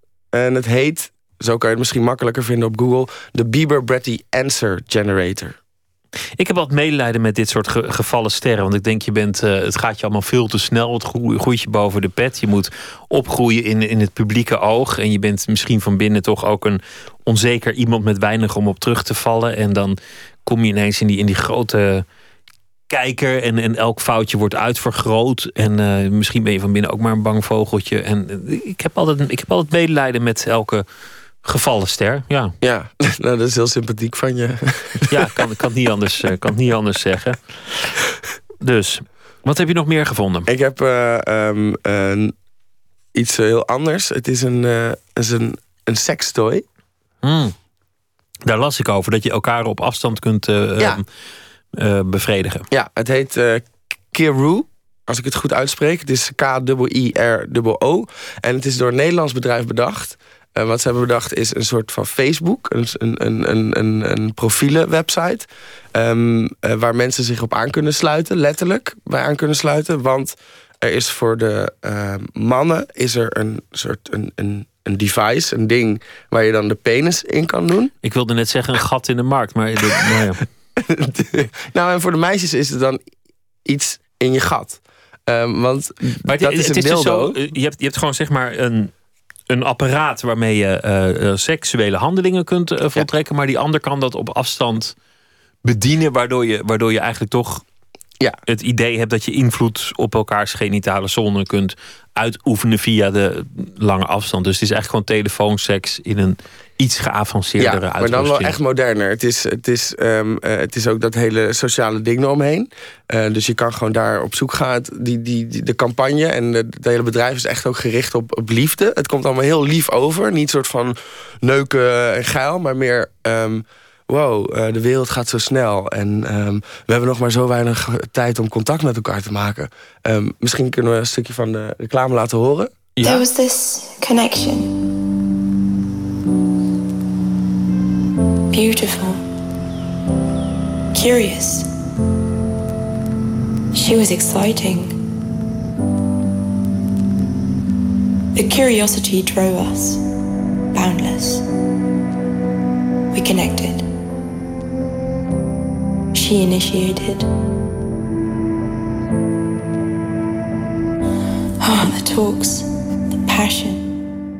Oh ja, het is, het is, Mooi, het is hè? gewoon. Maar ja, nou ja, goed voor mensen die, die toevallig door omstandigheden op afstand van elkaar eh, zich bevinden. En, en eh, nou ja, waarom ook niet? Ja, dat kan eh, natuurlijk ook. Als je inderdaad een relatie hebt en, en, je, en, je, en je partner is aan de andere kant van de wereld. Dan geef je gewoon die dildo of dat, dat, dat ding mee, waar, waar de penishouder. En dan kan je, kan, ja, kan je toch gewoon af en toe eh, seks hebben met elkaar. Ieder zijn ding, toch? Ja, different strokes for different folks. Ja. Dus ik. eh, ik vind, Jij vindt het niet zo leuk? Nee, ik vind, ik vind het prima. Ik vind het gewoon, ja, ik denk, nou ja, ga je, Je gang. tolereert ja, het. ieder, ieder zijn ding. Ja, dat is toch goed? Nou ja. Ik, ja. Het is, ik bedoel, het, het is een soort uitvinding waarvan ik denk, nou ja, die, die zat er een keer aan te komen. Ja, ik vraag me wel af hoe het, hoe het dan echt is. Ik denk Zeg dat het in het echt tegenvalt, maar dat geldt voor bijna alles in het leven. Dat het in het echt uiteindelijk tegenvalt. Voor alles is oh, nou, nou ja, nog eentje. nog, laat, laat nog eens iets. eh, Eh, nog één? Nou, of toch twee. Oké, ik, heb- ik zal er snel doorheen gaan. Ehm, ehm, dat is eigenlijk iets wat... eh, trouwens, Ronald Gippard noemde de vorige... De, de, dat eh, seksding, noemde hij, las ik ergens, de teledildonics. Ja, hij heeft, het al, hij heeft het al in 1993 beschreven in een, in een eh, roman. Ja? Als, als eh, futurologisch idee. Had hij Nou. al, nou, 93. De toekomst is begonnen. Alleen vergeten om patent aan te vragen. ja, dan hoeft hij nu geen boeken meer te Nee. schrijven. Ja, als het Ehm, niet wordt, ja. Het eh, volgende dat is, eh, nou, het past een beetje bij het seksspeeltje. Het is een eh, BH. Ja. En het heet eh, de Ravisseur. Ehm, en het is een beetje in, in, in, eh, na de, het vibrerende ondergoed van Durex. En de, de intieme couture van eh, Daan Roosgaarde. Is er nu een BH die je kan dragen. En Mhm. die eigenlijk pas open gaat als je hartslag ehm, op zo'n manier eh, eh, klopt. Je hart op, op die manier klopt dat de, dat de BH denkt: ik ga nu open. Oh, dus, dus als, je, als de, de, de mate van opwinding daar is, Ja. dan pas zal de, de BH zich eh, Openen. openen. Ja. En het wordt dus een beetje, dit is een iets andere campagne. Het is een beetje een soort van gekke Chinese. Gek, gek Maar is, Chine- is dat een soort, soort, soort kuisheidsgordel? Of? Nou ja, een beetje. Nou, het wordt hier in die campagne wordt het dus gepresenteerd. Het is een beetje, beetje armoedig wel.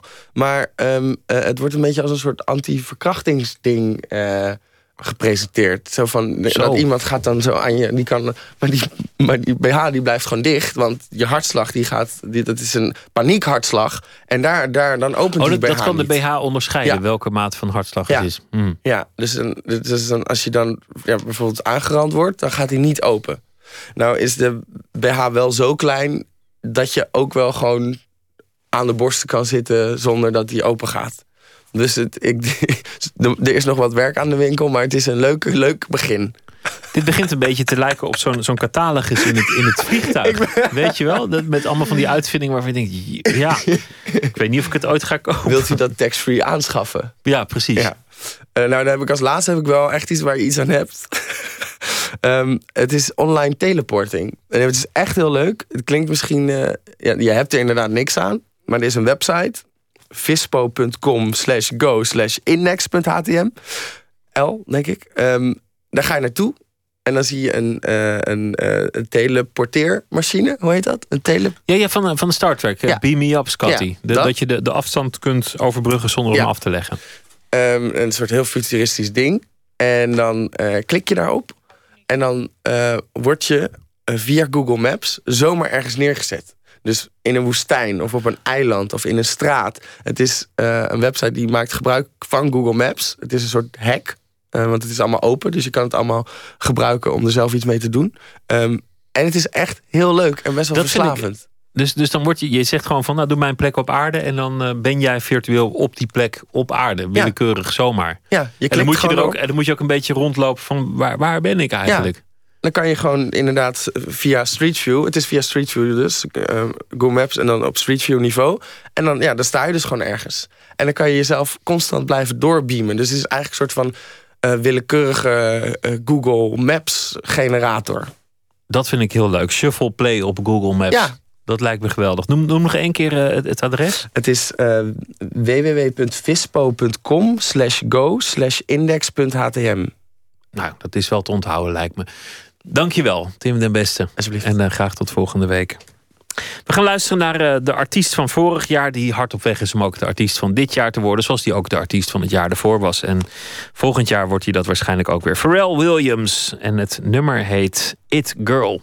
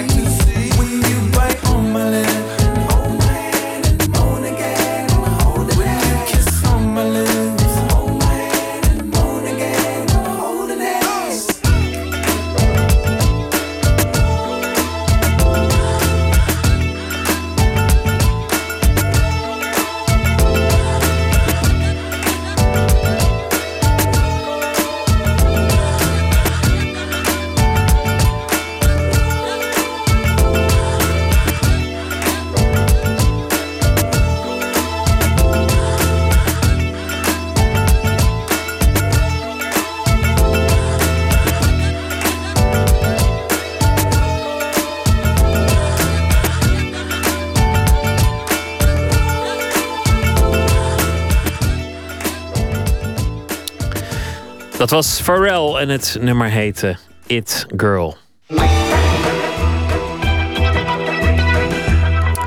U luistert naar de VPRO Nooit meer slapen. Film- en televisiemaker Boris Pavel Konen maakt series en films voor een groot publiek.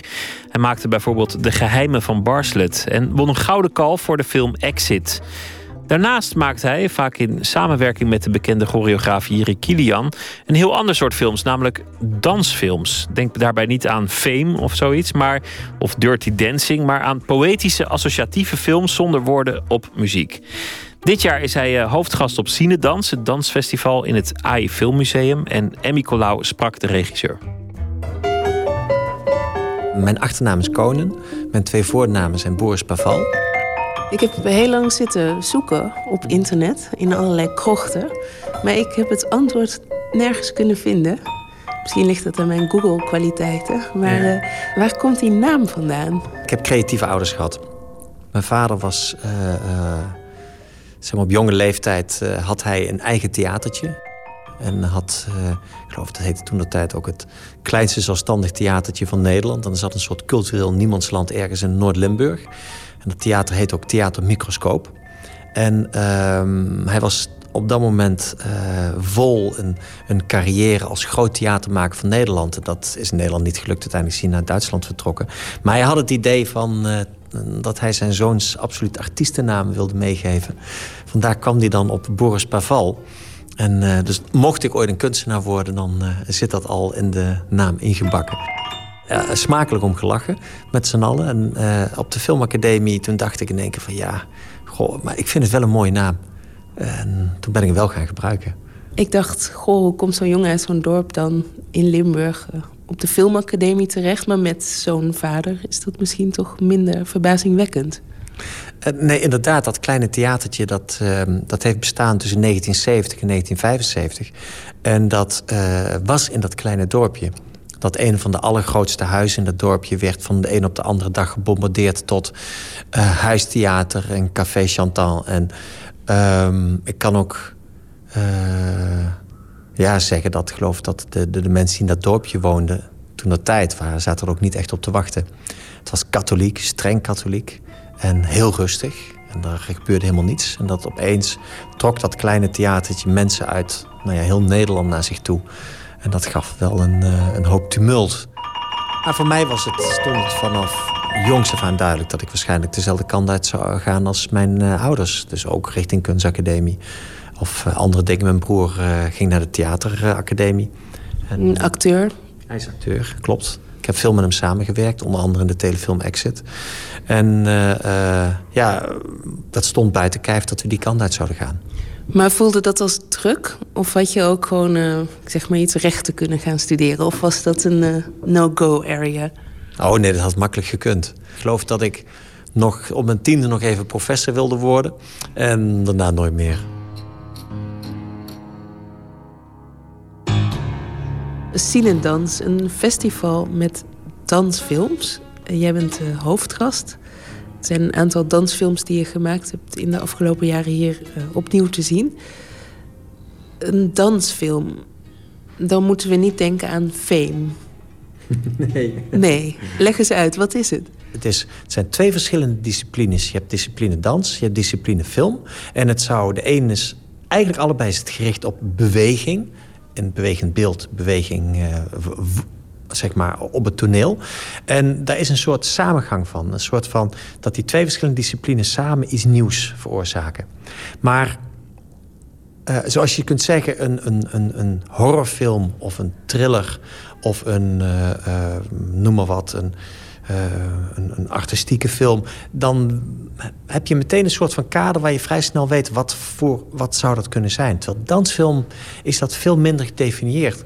Elke samenwerking tussen een choreograaf en een filmmaker is een dansfilm.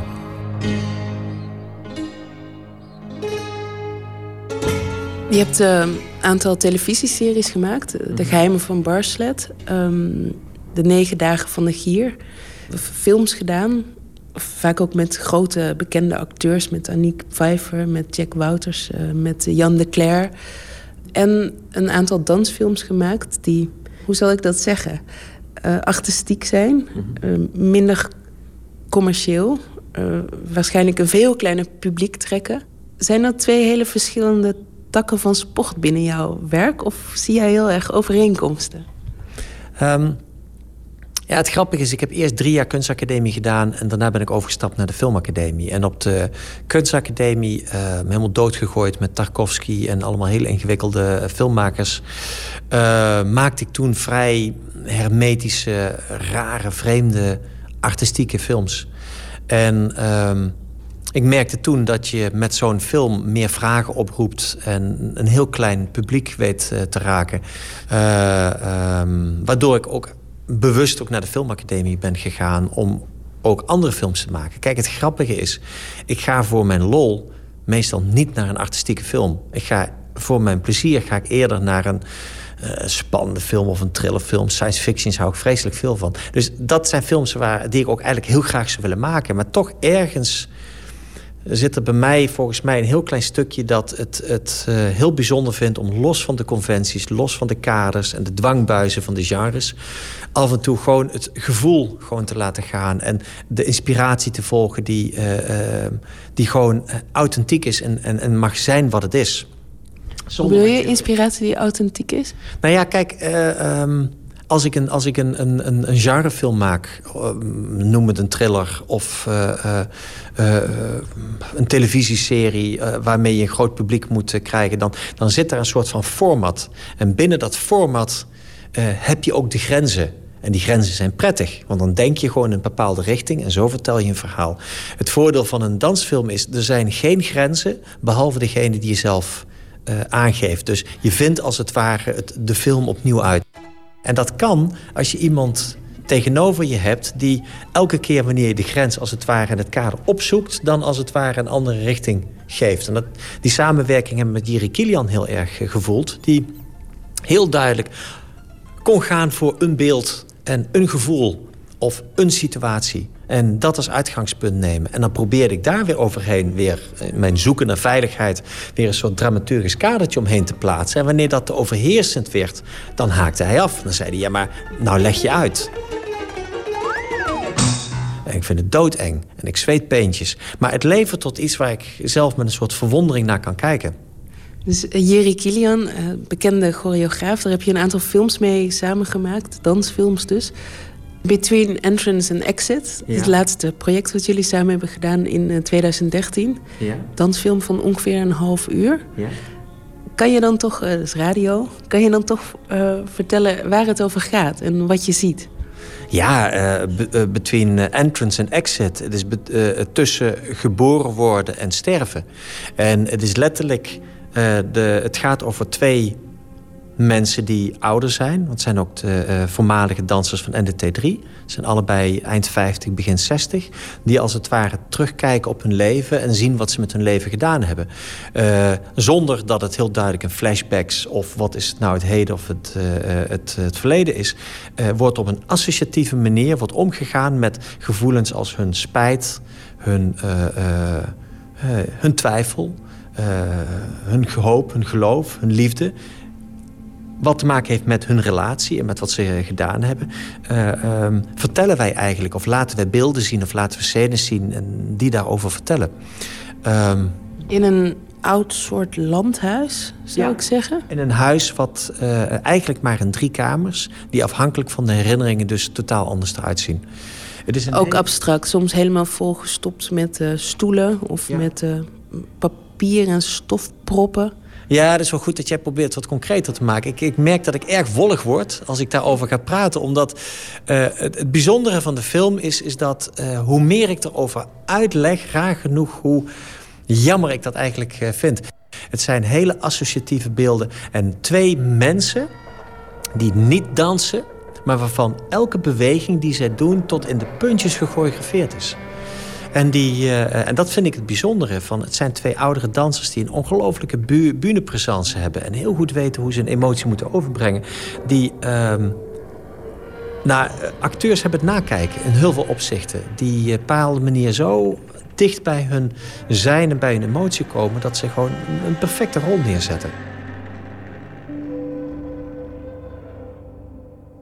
Laten we het hebben over hoe je zo'n film maakt. Hoe ga je om eh, als regisseur met die dansers? Want dat zijn geen acteurs. Ik behandel hun gewoon als acteurs. Dat is ook het enige wat ik. eh, de enige manier zoals ik denk met hun zou kunnen werken, is dat. eh, ik kan hun niet uitleggen hoe zij een emotie moeten overbrengen. Ik kan alleen maar hun proberen te coachen om een eh, performance te geven die, die voor mij geloofwaardig overkomt. Het gaat dan vooral over intentie. Welke intentie wil je geven in een bepaalde blik, in een bepaalde beweging? En daarmee refereer je naar bepaalde emoties. Kan, kan je daar een voorbeeld van geven? Nou ja, een interessant voorbeeld is... De, de, de, er zit een vrij heftige scène in Between Entrance and Exit... eh, eh, wat bijna een soort van eh, aanranding en verkrachting is. En ehm, dat, dat komt heel emotioneel over. Maar ik weet uit mijn ervaring met het werken met acteurs... is dat eh, eh, zo'n vrijscène in dit geval gewelddadige vrijscène, die moet gechoreografeerd worden. Je moet, de acteurs moeten van elkaar weten wat ze doen, op welk moment, zodat ze de anderen geen pijn doen. Dus de, eh, de, de, de emotie speel je. En daarnaast is het, zitten er hele duidelijke kaders waarbinnen die, die gewelddadige aanranding, wa- waarin die zich afspeelt. Dus het is ook heel technisch. Je moet onthouden van, oh, nu moet ik mijn armen hier en mijn been daar. Voor een deel wel, ja. Wat eigenlijk choreografie per definitie is. Het is alleen is dat je, wat je, eh, het grappige was, is dat de twee eh, ehm, eh, dansers waren elkaar heel erg aan het coachen. Maar grijp me bij mijn borsten, pak mijn been vast. Nee, grijp me, weet je wel. En van pak nou harder vast, staat ze elkaar te coachen. Ook tijdens dat hele gebeuren. Wat het betekent is dat je, je maakt hele heldere afspraken wat je van hun verwacht. En dat is bij choreografie is dat eh, eigenlijk de enige manier zoals zij dus ook functioneren. Maar wat zijn dan zinnen die jij uitspreekt? Maar jij wilde het concreet hebben natuurlijk. Ja, ik wil het super concreet Het hebben. wordt weer erg wollig en erg abstract. Eh, wat wij doen, wat Jerry in examen deden, is we praten hun er doorheen. Maar hoe gaat zo'n gesprek dan? Hoe praat je iemand door zo'n gewelddadige aanrandingsscène in? Die is, is dan... eh, eh, ehm, eh, nu smijt je haar op de grond en je wil wegkomen. En eh, eh, eh, je doet hem weg met al je kracht. En je roept tegen de man, laat haar niet los. En we gaan terug naar punt A. ehm, en we beginnen weer helemaal opnieuw. En Sabine, probeer meer de camera op te zoeken. Gillen, nou gillen, zo hard als je kan. Met al je kracht, gillen, gillen, gillen. Nee, meer naar de camera. Sabine, ik zie je niet. Gil meer naar de camera. Nou ja, zo. Dat is eh, En dan stop je heel even. En dan zitten ze allebei uit te hijgen. En dan eh, zegt de actrice... ja, maar je moet me ook beter vastpakken. Als je me niet beter vastpakt, dan moet ik dat faken. En dan zeg ik tegen David... ik zeg... eh, ehm, probeer op een gegeven moment iets te doen. Pak haar niet vast, maar probeer haar benen open te duwen. Daar wil je naartoe. Dus bij de volgende take roep ik dan hem... duw die benen uit elkaar. Sabine, meer kracht zetten met die dijen. Gegeven snap je? Het is heel to the point wat je eigenlijk eh, wil. Mijn eerste vrijseries die ik regisseerde, nou werkelijk, ik zat met schaamrood op de kaak. En ik was alleen maar uitermate wollig, was ik eromheen aan het praten. En eh, ja, en je wil haar dan kussen en et cetera. Dan had ik dan een assistent erbij, was heel leuk. Die zei, ja, neuken ze nou of neuken ze niet? Nou, oké, ik zat te denken van, eh, oké, ja, ze, ze, ze vrijen met elkaar. Nee, zie je dat de heupen op en neer bewegen? Heb je het idee dat ze met elkaar het neuken zijn? Nou, heel simpel. Dan zeg ik, ja, zeg dat dan. En dan kijken twee acteurs ook heel gefrustreerd aan. Boris, zeg dat dan gewoon. Nou ja, oké, dat is voor mij dan een harde leerschool. Je maakt dan eh, naast je andere filmwerk dit soort dansfilms. Toch zei je aan het begin van dit gesprek... ja, dat zijn films waar ik zelf voor de lol niet naartoe zou gaan. Waarom is het dan toch belangrijk dat ze gemaakt worden... behalve dat het voor jezelf dan eh, heel erg leuk is? Ja, dat moet ik een beetje nuanceren. Ik had het vooral... eh, laat ik zo zeggen. ehm, eh, even kijken, hoe ga ik dat nou precies zeggen? Ik vind het wel een heel boeiende vraag eigenlijk. Ik, eh, ik merk dat ik eh, door de vraag eh, die, die je gewoon stelt... en dat is je, je goed recht... ik merk dat ik zelf me ook de hele tijd een beetje aan het tegenspreken ben. Het is namelijk, enerzijds zeg ik van... ik maak films Waarvan, eh, eh, die ik zelf heel graag zou willen zien. Anderzijds zeg ik van ja, maar als een film alleen maar door mij gezien wordt, dan heeft hij geen bestaansrecht. Van een hoe groter publiek is, hoe beter de film geslaagd wordt. Maar als ik dan kijk naar de films die het meeste publiek trekken, zijn niet de films waar ik van hou. Dus dit is een soort. Je voelt dat er. eh, eh, het is Ja, een, precies. Daar probeer ik de vinger een beetje achter te krijgen. Ja, en, en dat laat ik zo zeggen. Het, het, de producenten nu, merk ik, zowel televisie als eh, eh, eh, speelfilmproducenten nu, zijn veel meer doelgericht bezig op voorhand te bepalen wat hun publiek, publiek is. En ik denk dat is, dat is nodig. Gewoon maar films maken en hopen dat die een publiek vinden, dat is niet meer van deze tijd. Niet in deze overdaad aan keuzemogelijkheden werkt het niet meer. Ik geloof dan daarin dat je moet zoeken in jezelf naar authenticiteit om iets te maken wat niet eerder eh, eh, ge- gezien is. Waardoor je de mensen weet te verrassen, waardoor je ze weet te raken. En authenticiteit haal je niet door je oor te luisteren eh, naar wat iedereen wil. Je zoekt nou juist datgene wat nog niet iemand wil. En waar kan je dat vinden? Dat kan je vinden in jezelf en aan de directe mensen met wie je de film het maken hebt. Die moet je ongelooflijk juist bij jezelf te, te raden gaan.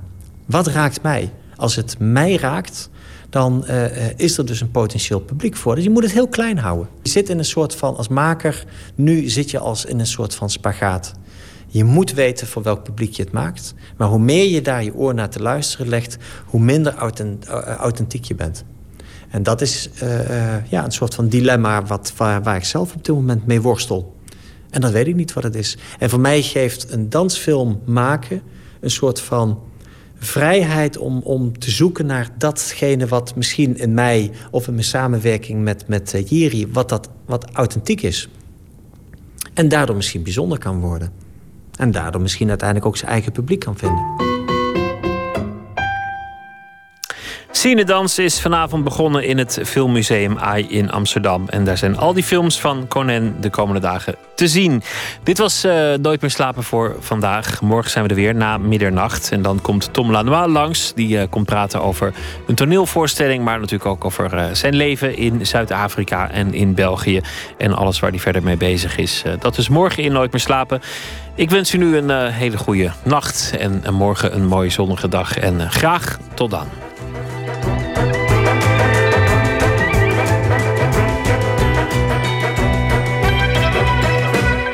Op Radio 1. Het nieuws van alle kanten.